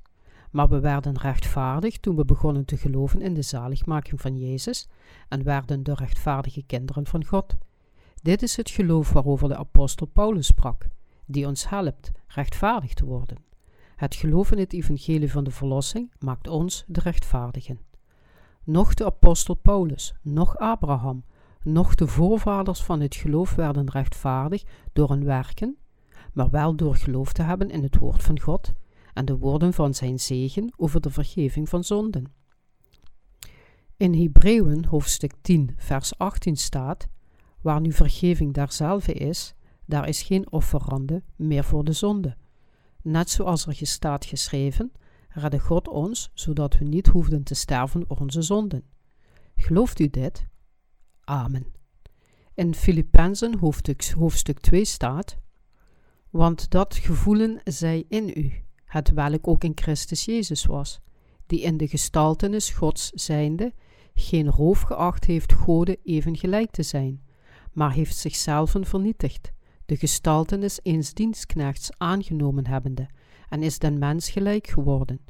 En in gedaante gevonden als een mens, heeft hij zichzelf vernederd, gehoorzaam geworden zijnde tot den dood, ja, den dood des kruises. Daarom heeft hem ook God uitermate verhoogd, en heeft hem een naam gegeven, welke boven alle naam is, omdat in de naam van Jezus zich zo buigen alle knie dengenen die in den hemel en die op de aarde en die op de aarde zijn. En alle tong zou beleiden dat Jezus Christus de Heere zij, tot heerlijkheid Gods des Vaders. Filippenzen hoofdstuk 2 vers 5 tot en met 11. Jezus Christus, die de uitstraling is van zijn glorie en de exacte weergave van zijn aard, Hebreeën hoofdstuk 1 vers 3, streefde geen enkele grote reputatie voor zichzelf na. In plaats daarvan nam hij de rol van een dienaar op zich, door de gedaante van een dienaar aan te nemen, en hij kwam in de gedaante van een menselijk wezen. Hij vernederde zichzelf en was gehoorzaam tot het punt van zijn dood om ons te redden. Daarom prijzen we Jezus. Hij is onze God, de Verlosser en de Koning. Omdat Jezus tot het einde toe aan de wil van zijn Vader gehoorzaamde, verheerlijken wij nu God en prijzen we Jezus. Als hij niet gehoorzaamd had, zouden wij niet de Zoon van God nu verheerlijken. Maar omdat de Zoon van God de wil van zijn Vader tot het punt van de dood gehoorzaamde, verheerlijken alle schepsels en alle mensen op deze aarde hem en zullen dit voor altijd blijven doen.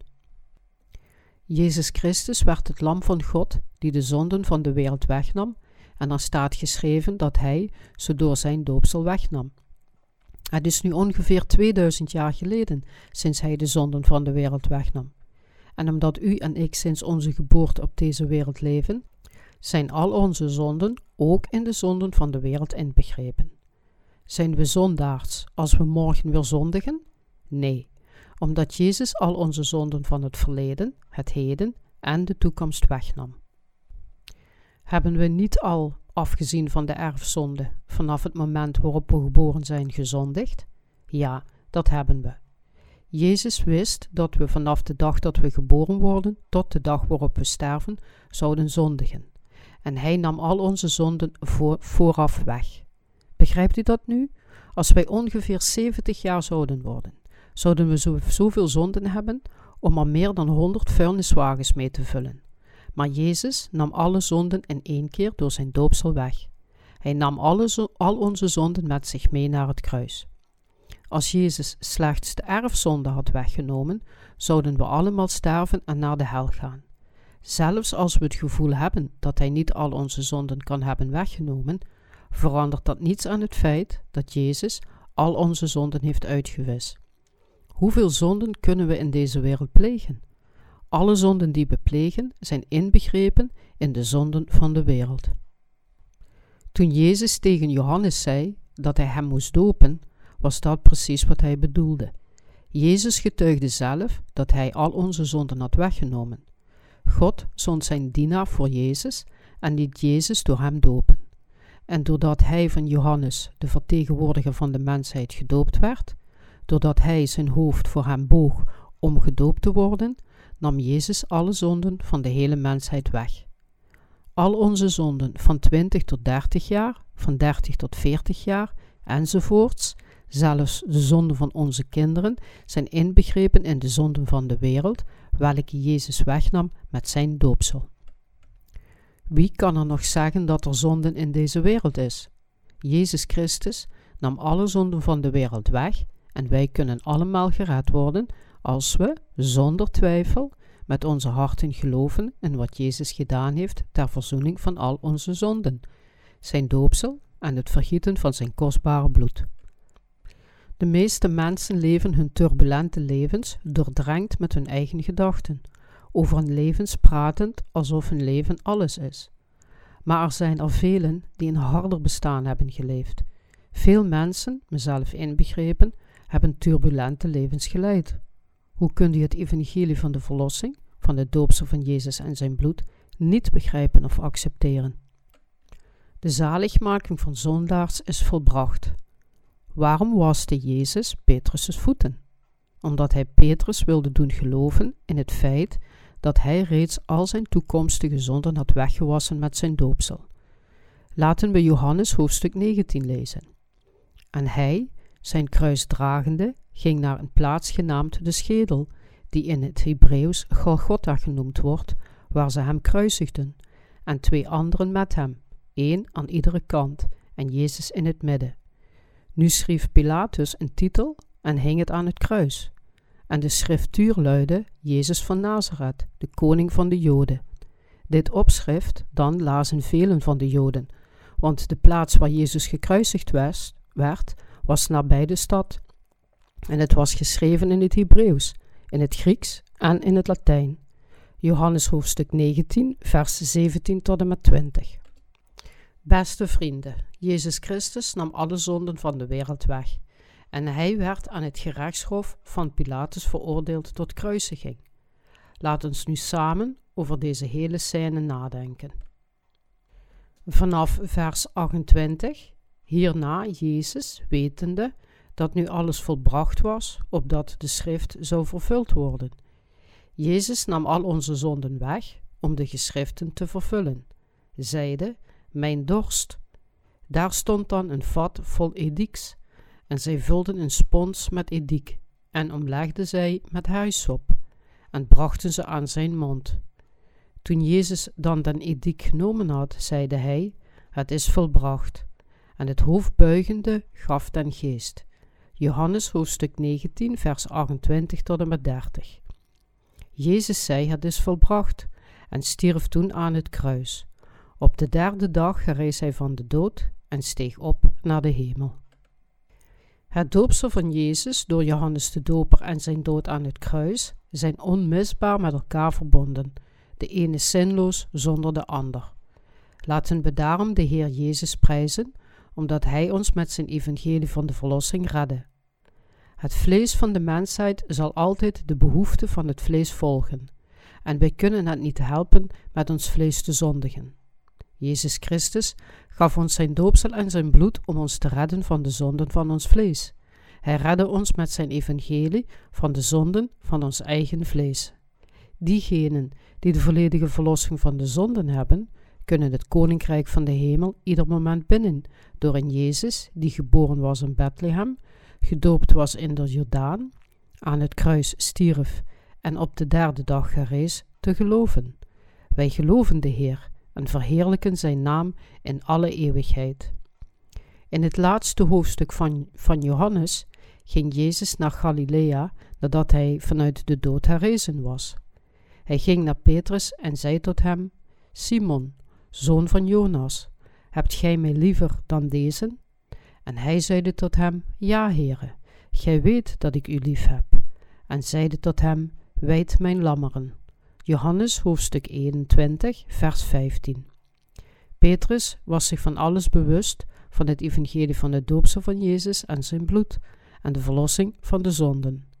Nadat hij in het evangelie van het water en het bloed geloofde, de verlossing van zonden, en zich bewust was van de reden waarom Jezus zijn voeten had gewassen, werd zijn geloof in Jezus veel sterker. Laten we Johannes hoofdstuk 21, vers 15 nog eens lezen.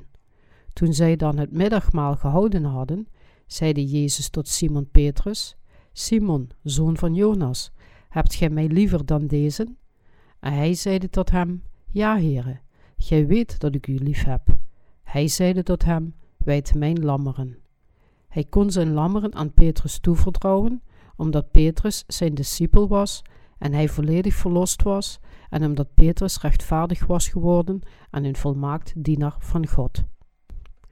Als Petrus door zijn dagelijkse zonden een zondaard was geworden, zou Jezus hem niet gezegd hebben om het evangelie van de verzoening van de zonden te prediken, omdat hij, net als de andere discipels, het niet kon helpen om toch dagelijks in het vlees te zondigen.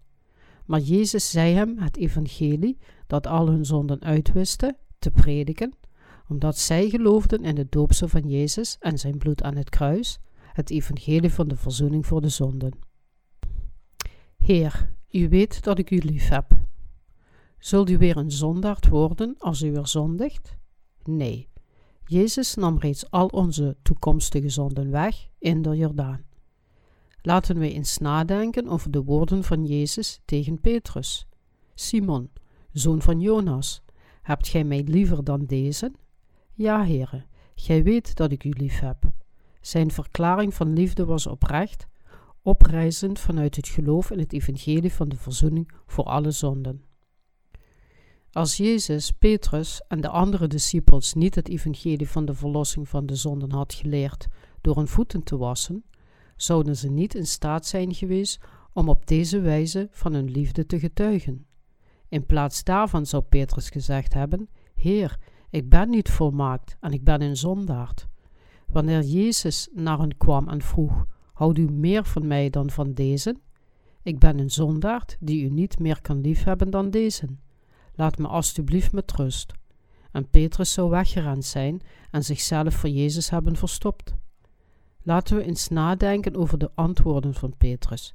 Hij was gezegend met het evangelie van de verlossing van de zonden, het doopsel van Jezus en zijn bloed die de hele mensheid redde.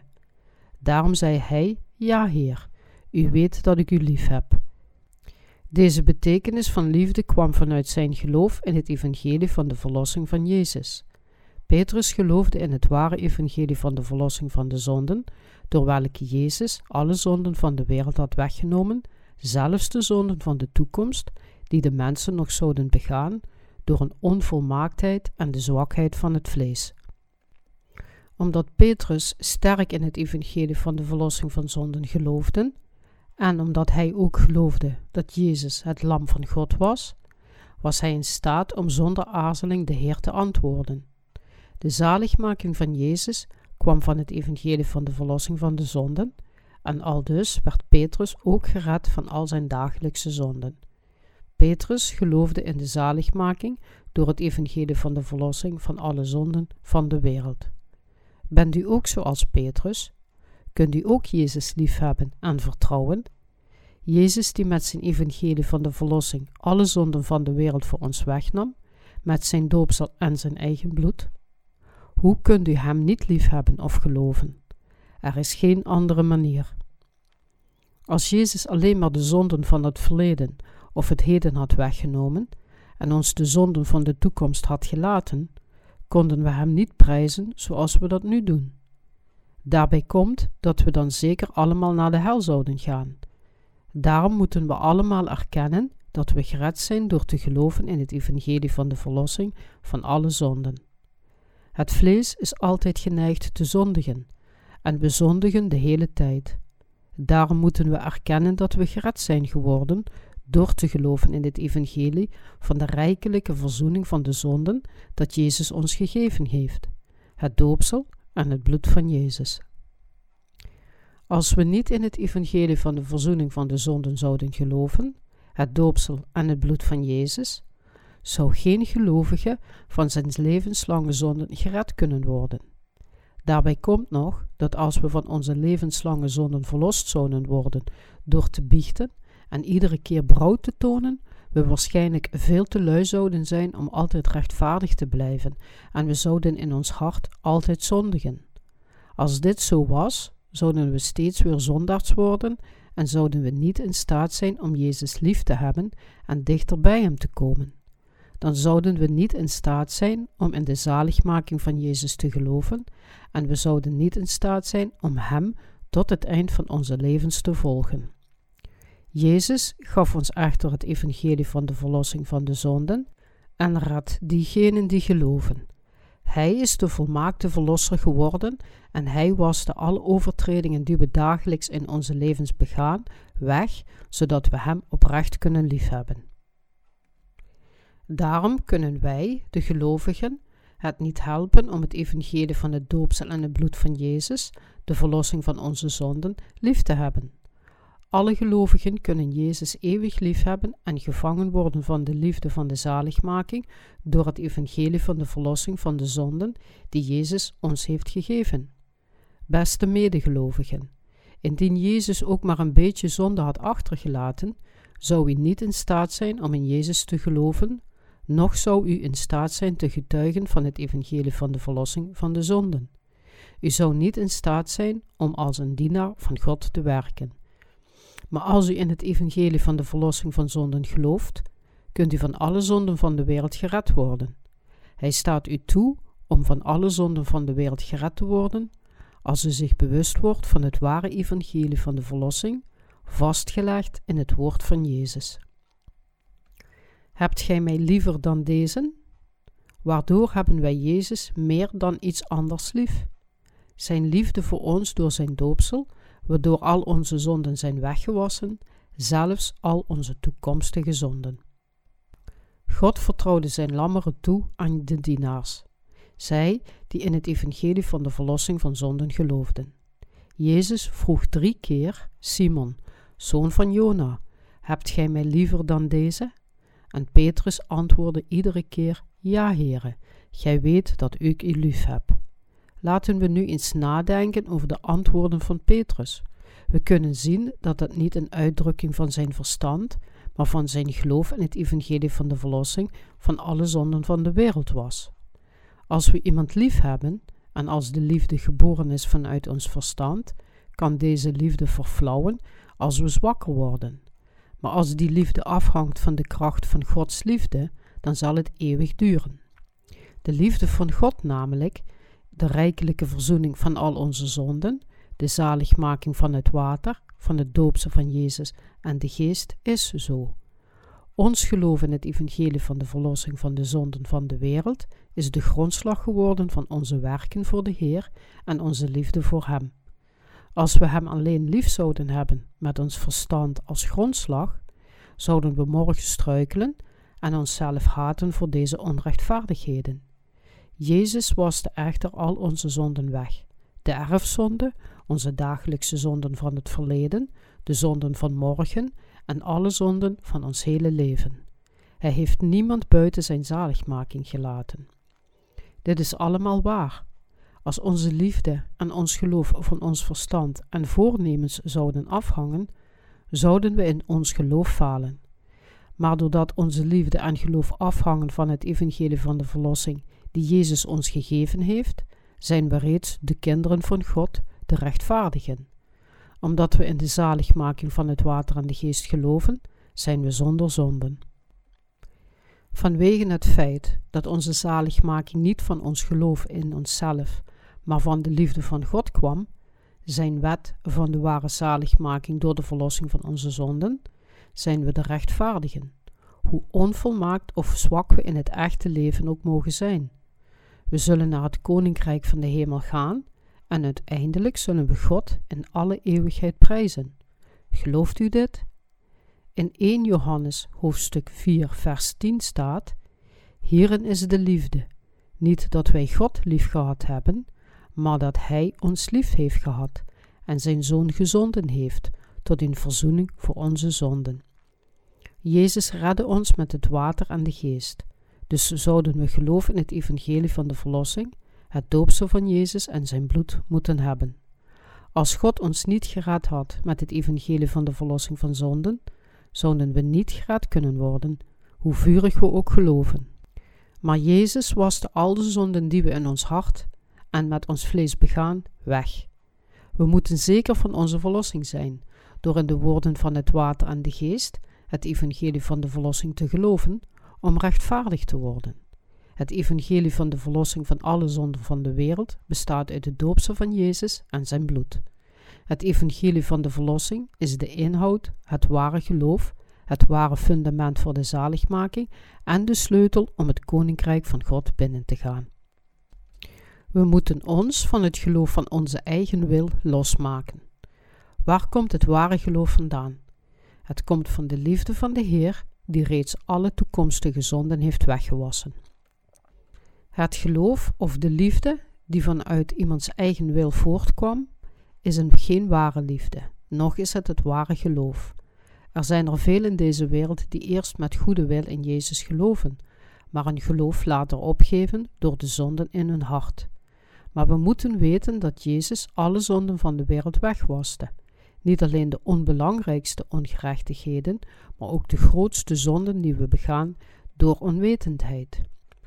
Om zijn discipels te leren hoe allesomvattend zijn zaligmaking was, verzamelde Jezus in Johannes hoofdstuk 13 zijn discipelen om zich voordat hij gekruisigd werd. Voordat hij met de discipels gegeten had, waste hij hun voeten om hun het punt van zijn zaligmaking duidelijk te maken. We zouden allemaal het evangelie van de verlossing dat Jezus de discipels leerden door hun voeten te wassen, moeten kennen en erin geloven. Maar Petrus weigerde eerst onverwurmbaar Jezus zijn voeten te laten wassen. U zult nooit mijn voeten wassen. En dit was de uitdrukking van het geloof dat gebaseerd was op zijn eigen wil. Maar Jezus zei tegen hem: Wat ik doe, weet gij nu niet, maar gij zult het na deze verstaan. Nu, met het evangelie van het water en de geest, kunnen we de woorden van Jezus begrijpen. Zij zijn de woorden van de waarheid, het evangelie van het water en de geest, de verlossing van de zonden, die de zondaard rechtvaardig laat worden door met zijn hele hart te geloven. Petrus ging met zijn discipels vissen. Ze gingen vissen zoals ze dat gedaan hadden voordat zij Jezus ontmoetten. Toen verscheen Jezus voor hen en riep naar hun. Jezus bereidde hun een ontbijt en terwijl ze ontbeten, realiseerde Petrus zich de betekenis van de woorden die Jezus van tevoren gezegd had. Wat ik doe, weet gij nu niet, maar gij zult het na deze verstaan. Hij begreep uiteindelijk wat Jezus bedoelde toen hij zijn voeten waste. De Heer waste al mijn zonden weg. Alle zonden die ik bega vanwege mijn zwakheid, inclusief alle zonden die ik in de toekomst zal begaan. Daarom gaf Petrus het geloof dat gebaseerd was op zijn eigen wil op en begon te geloven in het doopsel en het bloed van Jezus, het evangelie van de verlossing van de zonden. Na het ontbijt vroeg Jezus aan Petrus: Heb je me lief dan deze? En nu, versterkt door het geloof in de liefde van Jezus, bekende Petrus: Ja, Heer, u weet dat ik u lief heb. Petrus kon het zeggen omdat hij zich bewust was van wat Jezus bedoelde toen hij zei: Gij zult het na deze verstaan. Hij kon het ware geloof erkennen, het geloof in het doopsel en het bloed van Jezus, het evangelie van de verlossing van de zonde. Nadien werd hij een ware dienaar van God. Na die ervaring predikte Petrus en de andere discipels het evangelie tot het eind van hun dagen. Zelfs Paulus, die genadeloos christenen had vervolgd, getuigde van het evangelie tijdens die moeilijke tijden van het Romeinse Rijk. Hoe kunt u een ware dienaar van God worden? Door te geloven in zijn eeuwige verzoening voor al uw zonden. Onder de twaalf discipels van Jezus verkocht Judas Jezus en hing zichzelf later op. En het was de apostel Paulus die zijn plaats innam. De discipels hadden Matthias onder zich uitgekozen, maar het was Paulus die God koos. En Paulus werd een apostel van Jezus en predikte het evangelie van de verlossing van de zonden met de rest van de discipels. De meeste van de discipels van Jezus stierven als martelaars. Zelfs toen zij met de dood bedreigd werden, bleven zij het oorspronkelijke evangelie prediken. Jezus Christus waste alle zonden van uw vlees weg met zijn evangelie van het doopsel en bloed, zijn evangelie van de verlossing van de zonden. Jezus nam al uw zonden weg met zijn doopsel in de Jordaan en nam het oordeel voor u op zich aan het kruis. Geloof in het evangelie van Jezus' doopsel en zijn bloed aan het kruis en word gered. Velen werden inderdaad gered door het horen van het evangelie en door erin te geloven. Maar het was de kracht van het geloof in het evangelie van de doopsel van Jezus, zijn bloed en de geest. De discipels predikten het evangelie van het water en de geest. Jezus is God en de Verlosser. Het is omdat zij hebben getuigd van het evangelie van het water en de geest, dat u en ik nu het evangelie van het doopsel en het bloed van Jezus als onze zaligmaking kunnen horen en gered kunnen worden van de zonde. Door de oneindige liefde van God en de volledige zaligmaking van Jezus zijn we allemaal de discipels van Jezus geworden. Gelooft u dit allemaal? Jezus hield zoveel van ons dat Hij ons het evangelie van het water en de geest gaf, de verlossing van de zonden, en wij zijn de rechtvaardige discipels van Jezus geworden. Jezus waste de voeten van zijn discipels om hun het ware evangelie van de verlossing te leren. Jezus waste de voeten van zijn discipels om hun en ons te leren dat alle zonden van de wereld, alle zonden die we gedurende ons leven begaan, volledig weggewassen waren toen Jezus gedoopt werd en bloedde aan het kruis. En we danken Jezus voor zijn liefde en voor het evangelie van de verlossing. Jezus leerde ons bij de voetwassing van de discipels twee dingen. Ten eerste was het om hun te leren begrijpen wat hij had gezegd. Wat ik doe, weet gij nu niet, maar ge zult het na deze verstaan. Dat al door het evangelie van de verlossing, van het doopsel van Jezus en zijn bloed, onze zonden waren weggewassen. De tweede leerstelling was, omdat Jezus zichzelf had verlaagd om de zondaars te redden en hen rechtvaardig te maken, wij, de wedergeborenen, anderen zouden moeten dienen door het evangelie van de verlossing te prediken. Het is goed voor ons die eerst kwamen, om diegenen te dienen die later komen. De twee redenen waarom Jezus de voeten van de discipels waste op de dag van het paasfeest zijn duidelijk en zijn bestaan nog steeds binnen zijn kerk. Een discipel kan nooit hoger zijn dan zijn leraar.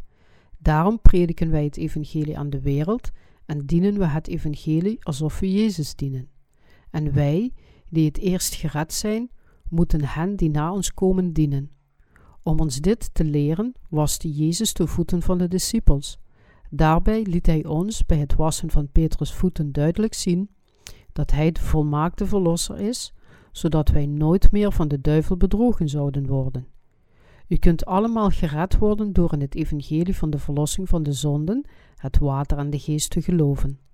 Jezus waste al onze zonden weg met zijn doopsel, zijn kruisiging en herrijzenis, en alleen zij die in zijn evangelie geloven, kunnen voor altijd van de zonden van de wereld gered worden.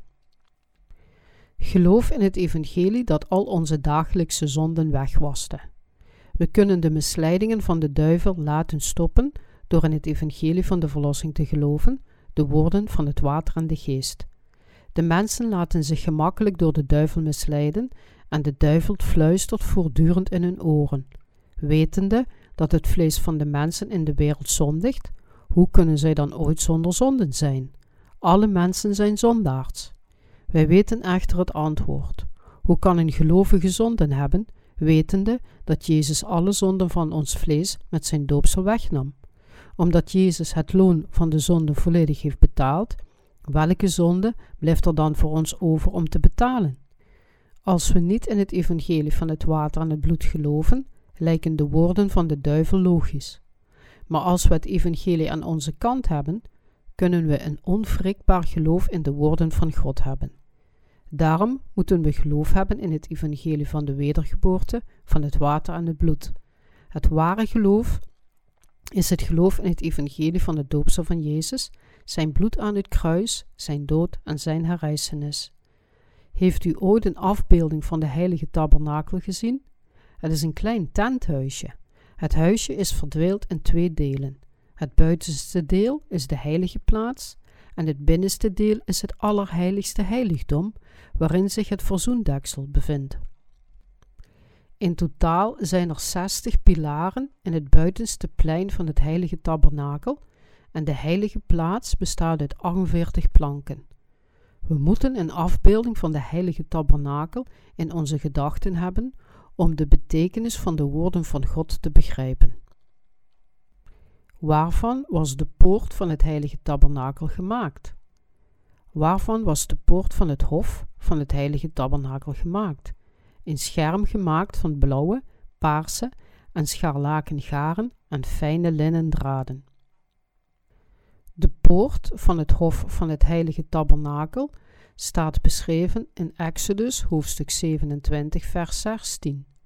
In de poort nu des voorhofs zal een deksel zijn van 20 ellen, hemelsblauw en purper en scharlaken en fijn getwirnd linnen, geborduurd werk, de pilaren vier en hun voeten vier. De materialen die gebruikt werden voor de poort van het hof van de tabernakel waren blauw, paars en scharlaken garen en fijne linnen draden. En het was ingewikkeld geweven en erg kleurrijk. God heeft Mozes bevolen de poort kleurrijk te weven met blauw, paars en scharlaken garen, zodat het voor iedereen gemakkelijk was om de ingang te vinden. En de poort, geweven met blauw, paars en scharlaken garen en fijne linnen draden, werd opgehangen aan vier pilaren. Deze vier materialen symboliseren de blauwdruk van de zaligmaking van God, waarmee Hij al diegenen zou redden die in Zijn Zoon geloven, door het doopsel en het bloed van Jezus, en in Hem zijnde God. Elk van de materialen die gebruikt werden om de heilige tabernakel te bouwen, heeft een specifieke betekenis en het vertegenwoordigt het woord van God en zijn plannen om de mensheid door Jezus te redden. Nu dan, hoeveel verschillende materialen werden gebruikt voor de poort van het hof van het heilige tabernakel? Vier verschillende materialen werden gebruikt: blauw, paars en scharlaken garen en fijne linnen draden. Deze vier zijn van groot belang om ons te helpen ons geloof in het evangelie van de wedergeboorte te versterken. Als het niet belangrijk zou zijn, zou deze informatie niet zo gedetailleerd in de Bijbel beschreven staan. Alle materialen die voor de poort van het hof van de heilige tabernakel en het buitenste hof gebruikt werden, zijn een belangrijk onderdeel van de zaligmaking, die al onze dagelijkse zonden, de erfzonde en de zonden van de toekomst wegwaste. Daarom werd de poort gemaakt van blauwe, paarse en scharlaken garen en fijne linnen draden. Daarom onthulde God deze dingen aan Mozes en zei hem dat hij precies doen moest zoals hem opgedragen werd. Wat betekenen blauwe, paarse en scharlaken garen binnen het evangelie van God? Wat symboliseerden alle materialen die voor het tabernakel gebruikt werden? De zaligmaking van Jezus door zijn doopsel en bloed. Binnenin het heilige tabernakel waren weer blauw, paars en scharlaken garen en fijne linnen draden gebruikt voor de voorhang die tussen de heilige plaats en de meest heilige plaats hing. Dezelfde materialen waren gebruikt voor de gewaden van de hoge priester, die de meest heilige plaats één keer per jaar binnenging. Het blauwe garen symboliseert het doopsel van Jezus. In 1 Petrus, hoofdstuk 3, vers 21 staat: Er is ook een tegenbeeld dat ons nu redt, namelijk het doopsel. Het doopsel van Jezus, waarmee hij alle zonden van de wereld wegnam, werd in dit vers door Petrus bevestigd als het tegenbeeld van de zaligmaking van verzoening. Alle zonden van de wereld werden bij zijn doopsel aan Jezus doorgegeven. Daarom is het blauwe garen het doopsel van Jezus, het belangrijkste deel van het woord van de zaligmaking. Het scharlakengaren symboliseert het bloed van Jezus en het paarse garen symboliseert zijn goddelijkheid, de status van Jezus als koning en God. Daarom waren de drie kleuren van garen noodzakelijk, noodzakelijk voor ons geloof in Jezus en zijn zaligmaking. Het prachtige gewaad dat door de hoge priester gedragen werd, heette een efod, en het gewaad van de efod was geheel blauw. De hoge priester droeg een tulband waarop een plaat van puur goud was bevestigd, waarop gegraveerd stond: Heiligheid aan de Heer. En de plaat was aan de tulband bevestigd met een blauw koord. De waarheid weergegeven door het blauwe garen. Wat symboliseert het blauwe garen? Het doopsel van Jezus. Ik zocht de betekenis van het blauwe garen in de Bijbel op. Wat zegt de Bijbel over blauw? We moeten het blauwe garen tussen de blauwe, paarsen en scharlakengarens beschrijven. Het blauwe garen symboliseert het water, dat wil zeggen het doopsel van Jezus. Jezus Christus werd gedoopt door Johannes de Doper om alle zonden van de wereld weg te nemen. Matthäus hoofdstuk 3, vers 15. Als Jezus niet alle zonden van de wereld had weggenomen met zijn doopsel, zouden wij, de gelovigen, niet geheiligd kunnen worden voor God. Daarom moest Jezus Christus naar deze wereld komen en gedoopt worden door Johannes de Doper in de rivier de Jordaan, om alle zonden van de wereld weg te nemen. De reden waarom er blauw garen in de poort van het heilige tabernakel gebruikt moest worden, was dat we niet geheiligd konden worden zonder het doopsel van Jezus. Het scharlakengaren symboliseert zijn bloed, de dood van Jezus. Paars verwijst naar Jezus' godheid. Dus Jezus' status als de enige vorst, de koning der koningen en de heer der heren. 1 Timothy hoofdstuk 6 vers 15 Scharlakengaren betekent het bloed van Christus, die aan het kruis bloedde om het loon van de zonden van de hele mensheid te betalen. Jezus Christus kwam als mens naar deze wereld om alle zonden van de mensheid op zich te nemen, voordat hij zichzelf aan het kruis opofferde voor het evangelie van de verlossing van de zonden. Het doopsel en bloed van Jezus is het ware evangelie van de verlossing, die geprofiteerd is door de kleuren van het garen die gebruikt werden in het heilige tabernakel van het Oude Testament. De pilaren van het tabernakel waren gemaakt van acaciahout en de voetstukken waren van brons en de bronzen voetstukken waren bedekt met banden van zilver. Alle zondaars moeten voor hun zonden veroordeeld worden, omdat het loon van de zonde de dood is. Voordat iemand door God gezegend kon worden om een nieuw leven te verdienen, moest hij een offer voor zijn zonden brengen in de dagen van het Oude Testament.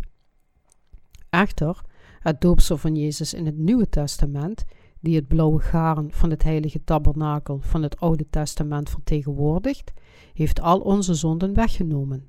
Hij nam onze zonden mee naar het kruis, bloedde en werd voor hen veroordeeld, en hierdoor redde hij iedereen van ons die geloven in het evangelie van de verlossing. Hij is de koning van de koningen en de heilige God. Lieve mensen, het doopsel van Jezus was de zaligmaking van Jezus, die ons redde door al onze zonden weg te nemen. Jezus, die God is, kwam naar deze wereld in het vlees de paarse draad.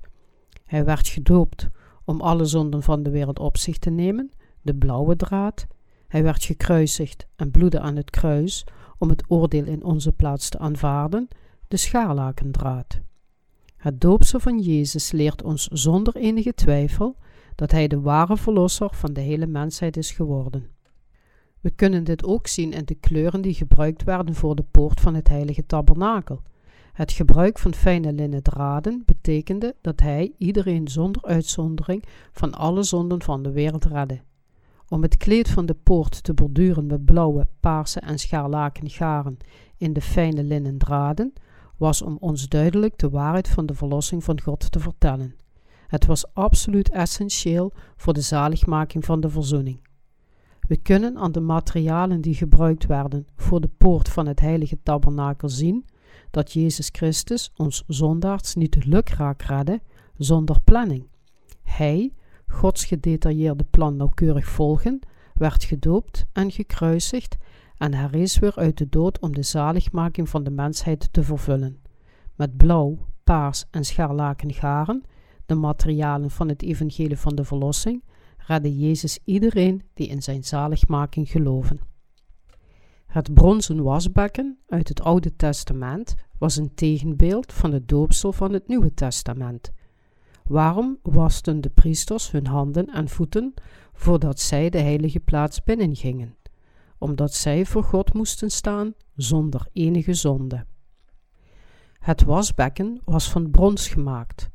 Brons vertegenwoordigt het oordeel dat Jezus voor ons heeft geleden. En het wasbekken symboliseert het woord van het evangelie die ons vertelt dat al onze ongerechtigheden weggewassen waren. Het laat ons zien hoe het wegwassen van de dagelijkse zonden uitgevoerd werd. Het is een tegenbeeld van de waarheid dat de dagelijkse zonden van de hele mensheid weggewassen kunnen worden door het geloof in de woorden van het doopse van Jezus. Het brandofferaltaar vertegenwoordigde het oordeel, en het water van Jezus, dat blauw was, is het evangelie van de verzoening voor de zonden, het doopsel van Jezus door Johannes de Doper. Matthäus hoofdstuk 3 vers 15, 1 Johannes hoofdstuk 5 vers 5 tot en met 10. Het is het woord van de getuigenis van het evangelie van de zaligmaking door de verzoening. In Johannes hoofdstuk 5 staat geschreven: En dit is de overwinning die de wereld overwint, namelijk ons geloof. Er zijn drie dingen die getuigen op de aarde: de geest, het water en het bloed, en deze drie zijn als één. Hij zegt ons ook dat hij, die in de Zoon van God gelooft, het getuigenis van het water, het bloed en de geest in zich heeft. God stond ons toe om door het geloof in het evangelie van de verzoening geheiligd te worden en het heilige, heilige tabernakel binnen te gaan. Daarom kunnen we nu in geloof leven, gevoed worden met de woorden van God, gezegend worden door Hem en het leven van de rechtvaardigen leven. Om het volk van God te worden, betekent om door het geloof in het evangelie van de verzoening gered te worden en binnen het heilige tabernakel te leven. Veel mensen zeggen tegenwoordig dat het voldoende is om te geloven zonder na te denken over de betekenis van de blauwe, paarse en scharlaken garens van de poort van het heilige tabernakel. Als iemand in Jezus gelooft zonder deze dingen te kennen, dan is zijn geloof niet oprecht, omdat er nog steeds zonde in zijn hart zit. Een dergelijke persoon heeft nog steeds zonde in zijn hart, omdat hij niet in de waarheid van de wedergeboorte door het evangelie van de verzoening, van het water, het bloed en de geest gelooft. Als iemand gevraagd wordt iemand te evalueren die hij nauwelijks kent, en als hij, om, om de luisteraar te vleien, zou zeggen: Ja, ik geloof deze persoon. Ik heb hem nog nooit ontmoet, maar ik geloof hem toch. Denkt u dat de luisteraar daar blij mee zou zijn? Misschien zouden sommigen onder u het fijn vinden, maar dit is niet het soort van vertrouwen dat God van ons wilt. God wilt dat we in het evangelie van de verlossing van de zonden geloven, de zaligmaking van Jezus door de blauwe, het doopsel, paarse, koningschap en scharlaken, het bloed, garens. We moeten weten hoe Jezus ons van alle zonden redde, voordat we geloof in Hem kunnen hebben. Als we in Jezus geloven, moeten we weten hoe Hij ons van al onze zonden redden door het water, het doopsel van Jezus, het bloed, zijn dood en de geest dat Jezus God is. Als we het werkelijk begrijpen, kunnen we het ware, volledige geloof ervaren. Ons geloof zal nooit compleet zijn zonder deze waarheid te kennen. Het ware geloof komt alleen door het begrip van de getuigenis van de zaligmaking van Jezus, het evangelie van de verlossing en dat Jezus de ware verlosser van de mensheid is. Wat zou dan het geloof zijn dat de spot drijft met Jezus? Laten we eens kijken. Het geloof dat de spot drijft met Jezus. Wat is het meest nodig voor het geloof? Nauwkeurige kennis van Jezus' doopsel. U moet weten dat een willekeurig geloof in Jezus de spot met hem drijft. Als u denkt: het vind ik moeilijk om te geloven, maar sinds hij God is en de Zoon van God zal ik wel moeten geloven, dan drijft u de spot met Jezus. Als u echt wedergeboren wilt worden, dan moet u in het doopsel en het bloed van Jezus geloven, het evangelie van de verzoening. In Jezus te geloven zonder het evangelie van de verzoening te kennen, is erger dan helemaal niet in Jezus te geloven. Om het evangelie van alleen het bloed van Jezus te prediken is zinloos als men de waarheid niet kent. Jezus wilt niet dat iemand rondgaat om te prediken, terwijl zijn geloof in hem willekeurig is, of dat iemand zonder reden in hem gelooft. Hij wilt dat wij in hem geloven door het evangelie van de verzoening te kennen. Als we in Jezus geloven, weten we dat het evangelie van de verzoening van het doopsel en het bloed van Jezus is. Als we in Jezus geloven, moeten we het evangelie van de verzoening door zijn woorden begrijpen en moeten we precies weten hoe hij al onze zonden wegwaste. We moeten ook weten wat het blauwe, paarse en scharlaken garen op de poort van de heilige tabernakel inhoudt. Dan kunnen we het ware geloof hebben dat voor eeuwig stand houdt. We kunnen nooit wedergeboren worden zonder in Jezus te geloven, die de essentie van het blauwe, paarse en scharlaken garen is. Wat deden de priesters voordat zij de heilige plaats binnengingen? Zij wasten hun handen en voeten in het water van de bronzen wasbekken. Onze Heer Jezus redde ons. We kunnen niet anders dan de Heer te prijzen als we zien hoe volmaakt Hij ons gered heeft. We moeten naar het heilige tabernakel kijken. Hij gaf ons de woorden van het evangelie van de verzoening door het blauw, paars en scharlaken garen van het heilige tabernakel en redde ons met hen. Wij danken en prijzen de Heer. Zondaars kunnen de heilige plaats niet binnengaan zonder een verschrikkelijk oordeel te moeten ontvangen. Hoe kan iemand de heilige plaats binnengaan zonder voor zijn zonden veroordeeld te worden? Dit is onmogelijk. Als een persoon naar binnen zou gaan, zal hij ter plekke gedood worden. Het zou geen zegening, maar een vervloeking zijn. Een zondaard kan niet de heilige plaats binnengaan en verwachten te leven. Onze Heer redde ons door het geheim dat in de poort van het heilige tabernakel verborgen is.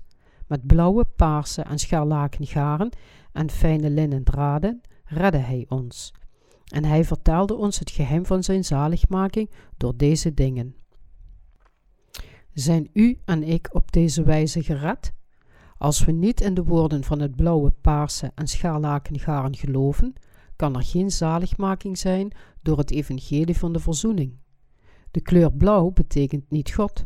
Het betekent het doopsel van Jezus. Het betekent het doopsel van Jezus dat al onze zonden wegnam. Men kan tot het brandofferaltaar gaan zonder in het blauwe garen te geloven. Men kan echter niet de heilige plaats binnengaan waar God verblijft. Daarom moeten we, voordat we de poort van het heilige tabernakel binnengaan, in het blauwe garen, het doopsel van Jezus, het scharlakengaren, zijn bloed aan het kruis, en het paarse garen, dat Jezus God is en de Zoon van God, geloven. Alleen als we dit geloven, worden we door God geaccepteerd en mogen we door de voorhang van de meest heilige plaats binnengaan. Sommigen gaan de buitenste plaats van de tabernakel binnen en denken dat zij binnen zijn. Maar dit is geen zaligmaking. Hoe ver moeten we gaan om gered te worden? We moeten in staat zijn om de meest heilige plaats binnen te gaan. Om de meest heilige plaats binnen te gaan, moeten we de bronzen wasbekken voorbij gaan. Het bronzen wasbekken vertegenwoordigt het doopsel van Jezus.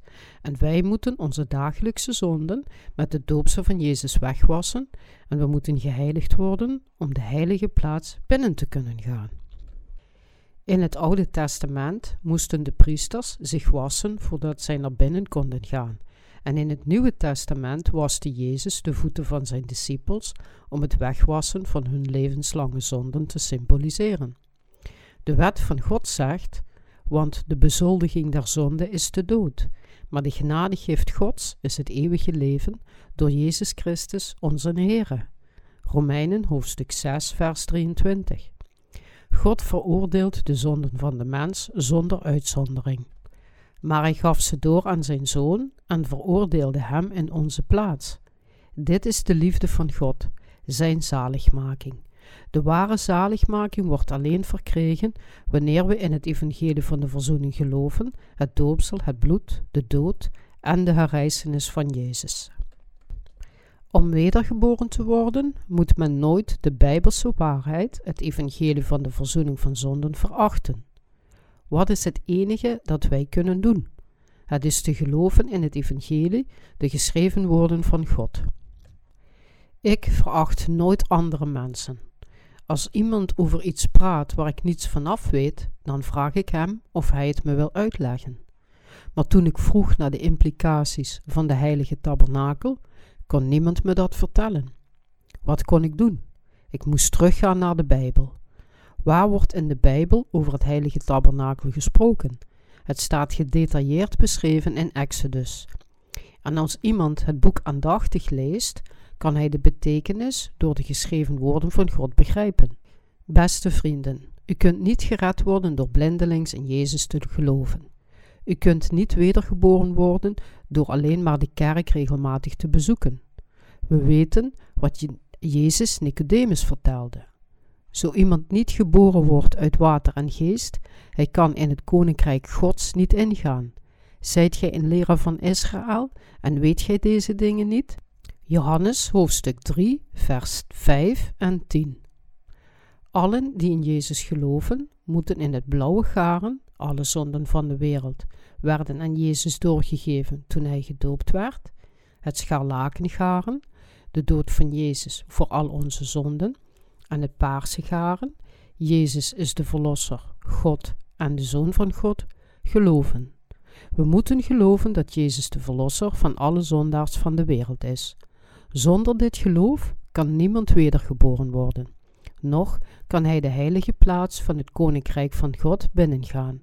Men kan niet gelovig in deze wereld leven zonder dit. Zou het niet gemakkelijker zijn als men wedergeboren kon worden door alleen maar aan Jezus te geloven? Ja. U bent gered, ik ben gered. We zijn allen gered. Wat mooi. Maar er zijn er zoveel die in Jezus geloven zonder werkelijk wedergeboren te zijn. Men moet de waarheid van de Bijbel net zo goed kennen als dat men in Jezus gelooft. We moeten het evangelie van de verzoening van de zonden in de Bijbel begrijpen en de betekenis van het blauwe, paarse en scharlaken garen om de heilige tabernakel binnen te gaan en bij God te zijn in het rijk van het geloof.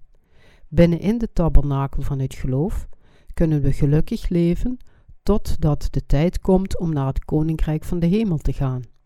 Het is belangrijk dat we weten wat de juiste manier is om in Jezus te geloven. Het oorspronkelijke evangelie brengt de heiliging voort met het blauwe garen. Wat is de onmisbare voorwaarde voor de zaligmaking naast het kruis van Jezus? Het doopsel van Jezus. Mensen hebben de neiging te denken dat zij perfect kunnen leven zonder een fout te maken. Hoe harder ze proberen goed te doen, des te sneller zullen ze hun tekortkomingen ontdekken. Menselijke wezens zijn onvolmaakt en het is voor hen onmogelijk om niet te zondigen. Maar omdat Jezus ons gered heeft met het blauwe, paarse en scharlaken garen, het evangelie van de verzoening, kunnen we nu geheiligd worden en de heilige plaats van God binnengaan. Als God ons niet gered had met het blauwe, paarse en scharlaken garen, zouden we niet in staat zijn geweest om de heilige plaats zelf binnen te gaan. Wat is hiervan de reden? Als alleen zij, die volmaakt volgens het vlees leven, de heilige plaats zouden kunnen betreden, zou er niemand zijn die gekwalificeerd zou zijn. Als men in Jezus gelooft zonder in het evangelie te geloven, dan voegt men alleen maar meer zonden aan het hart toe.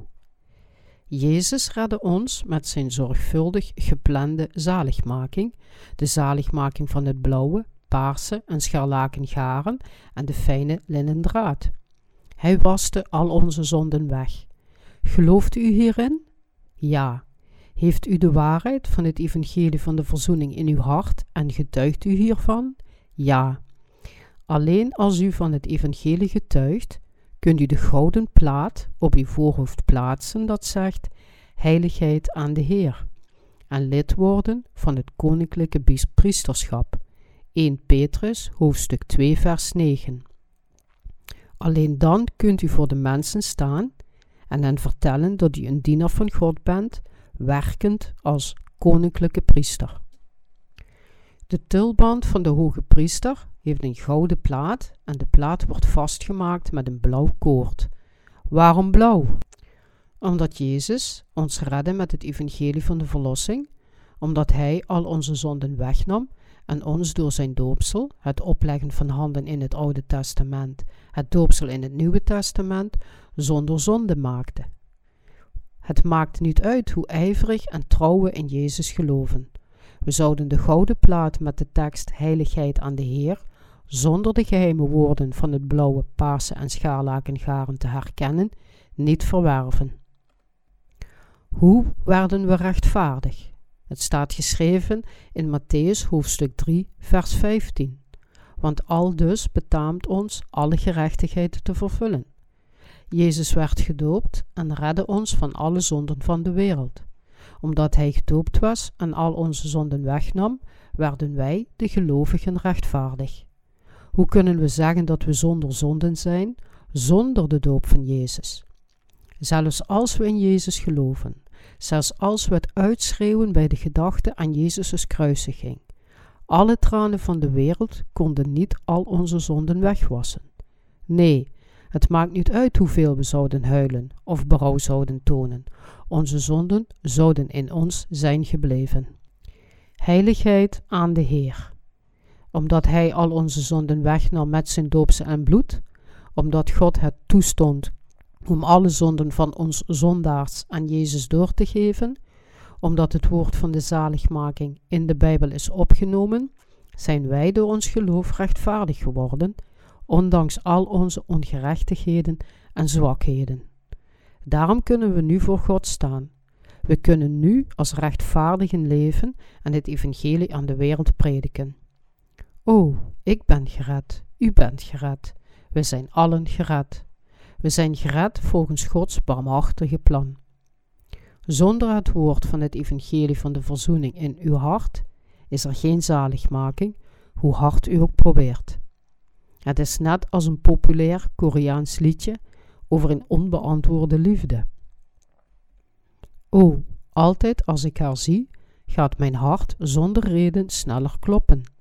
Iedere keer als ik bij haar ben, ik zal wel verliefd zijn. Mijn hart klopt sneller, maar haar hart niet. Mijn liefde is nooit beantwoord. De mensen denken dat de zaligmaking op verschillende manieren komt voor verschillende mensen. Zij vragen: waarom moet dat door het evangelie van de doopsel komen? Als het niet door het evangelie van de doopsel van Jezus komt, dan is het niet de volledige zaligmaking. Het is de enige manier om ons voor God rechtvaardig te maken, omdat het de enige manier is waarop we volledig gereinigd kunnen worden van al onze zonden. Wat is de zaligmaking van het blauwe garen dat Jezus ons gaf? Wat maakte ons rechtvaardig? Het evangelie van het blauwe, paarse en scharlaken garen. De zaligmaking door het evangelie van de paarse, blauwe en scharlaken garen is een geschenk van God aan de hele mensheid. Dit geschenk heeft het voor ons mogelijk gemaakt om het heilige tabernakel binnen te gaan en in vrede te leven. Het heeft ons rechtvaardig gemaakt en ons de mogelijkheid gegeven om binnen de kerk te leven, om getraind te worden in de heilige schrift door de kerk. Altijd als we voor God gaan om te bidden, zegent het evangelie ons met zijn liefde. Dit is waarom de zaligmaking zo kostbaar voor ons is. Jezus vertelt ons het huis van geloof op een rots te bouwen. De rots is het evangelie van zijn doopsel. We zouden allemaal gered moeten worden, met zaligmaking leven, naar de hemel gaan, het eeuwigdurig leven verdienen en de kinderen van God worden. Beste vrienden, door het evangelie van de verzoening zijn wij in staat om het heilige tabernakel met geloof binnen te gaan. Door het wegwassen van al onze zonden, het doopsel van Jezus en het oordeel aan het kruis, zijn we gered geworden door het geloof in het evangelie van de doopsel van Jezus. De overvloedige verzoening voor al onze zonden. Het doopsel aan het bloed van Jezus is het evangelie dat al onze zonden wegwaste. Gelooft u dit?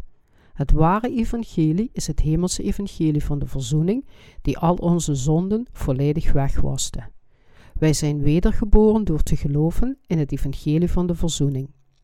Jezus heeft ons het evangelie van de verzoening gegeven, dat al onze dagelijkse zonden en zelfs alle toekomstige zonden heeft weggewassen. Looft de Heer. Halleluja, dankt de Heer. Het evangelie van het water en de geest het evangelie van het water en het bloed, is het ware evangelie dat volbracht en gepredikt werd door Jezus Christus. Dit boek werd geschreven om het geheim van het evangelie van Jezus te onthullen, het evangelie van het water en de geest. Omdat veel mensen in Jezus geloven zonder de volledige waarheid te kennen, scheppen ze over zichzelf op dat zij de fundamentalisten, of de religieuze pluralisten in deze wereld van de christelijke theologie zijn, de zogenaamde filosofische theologie. Kort gezegd, zij leven in ketterij en verwarring. Daarom moeten we teruggaan en in het ware gelo evangelie geloven. Het is nog niet te laat.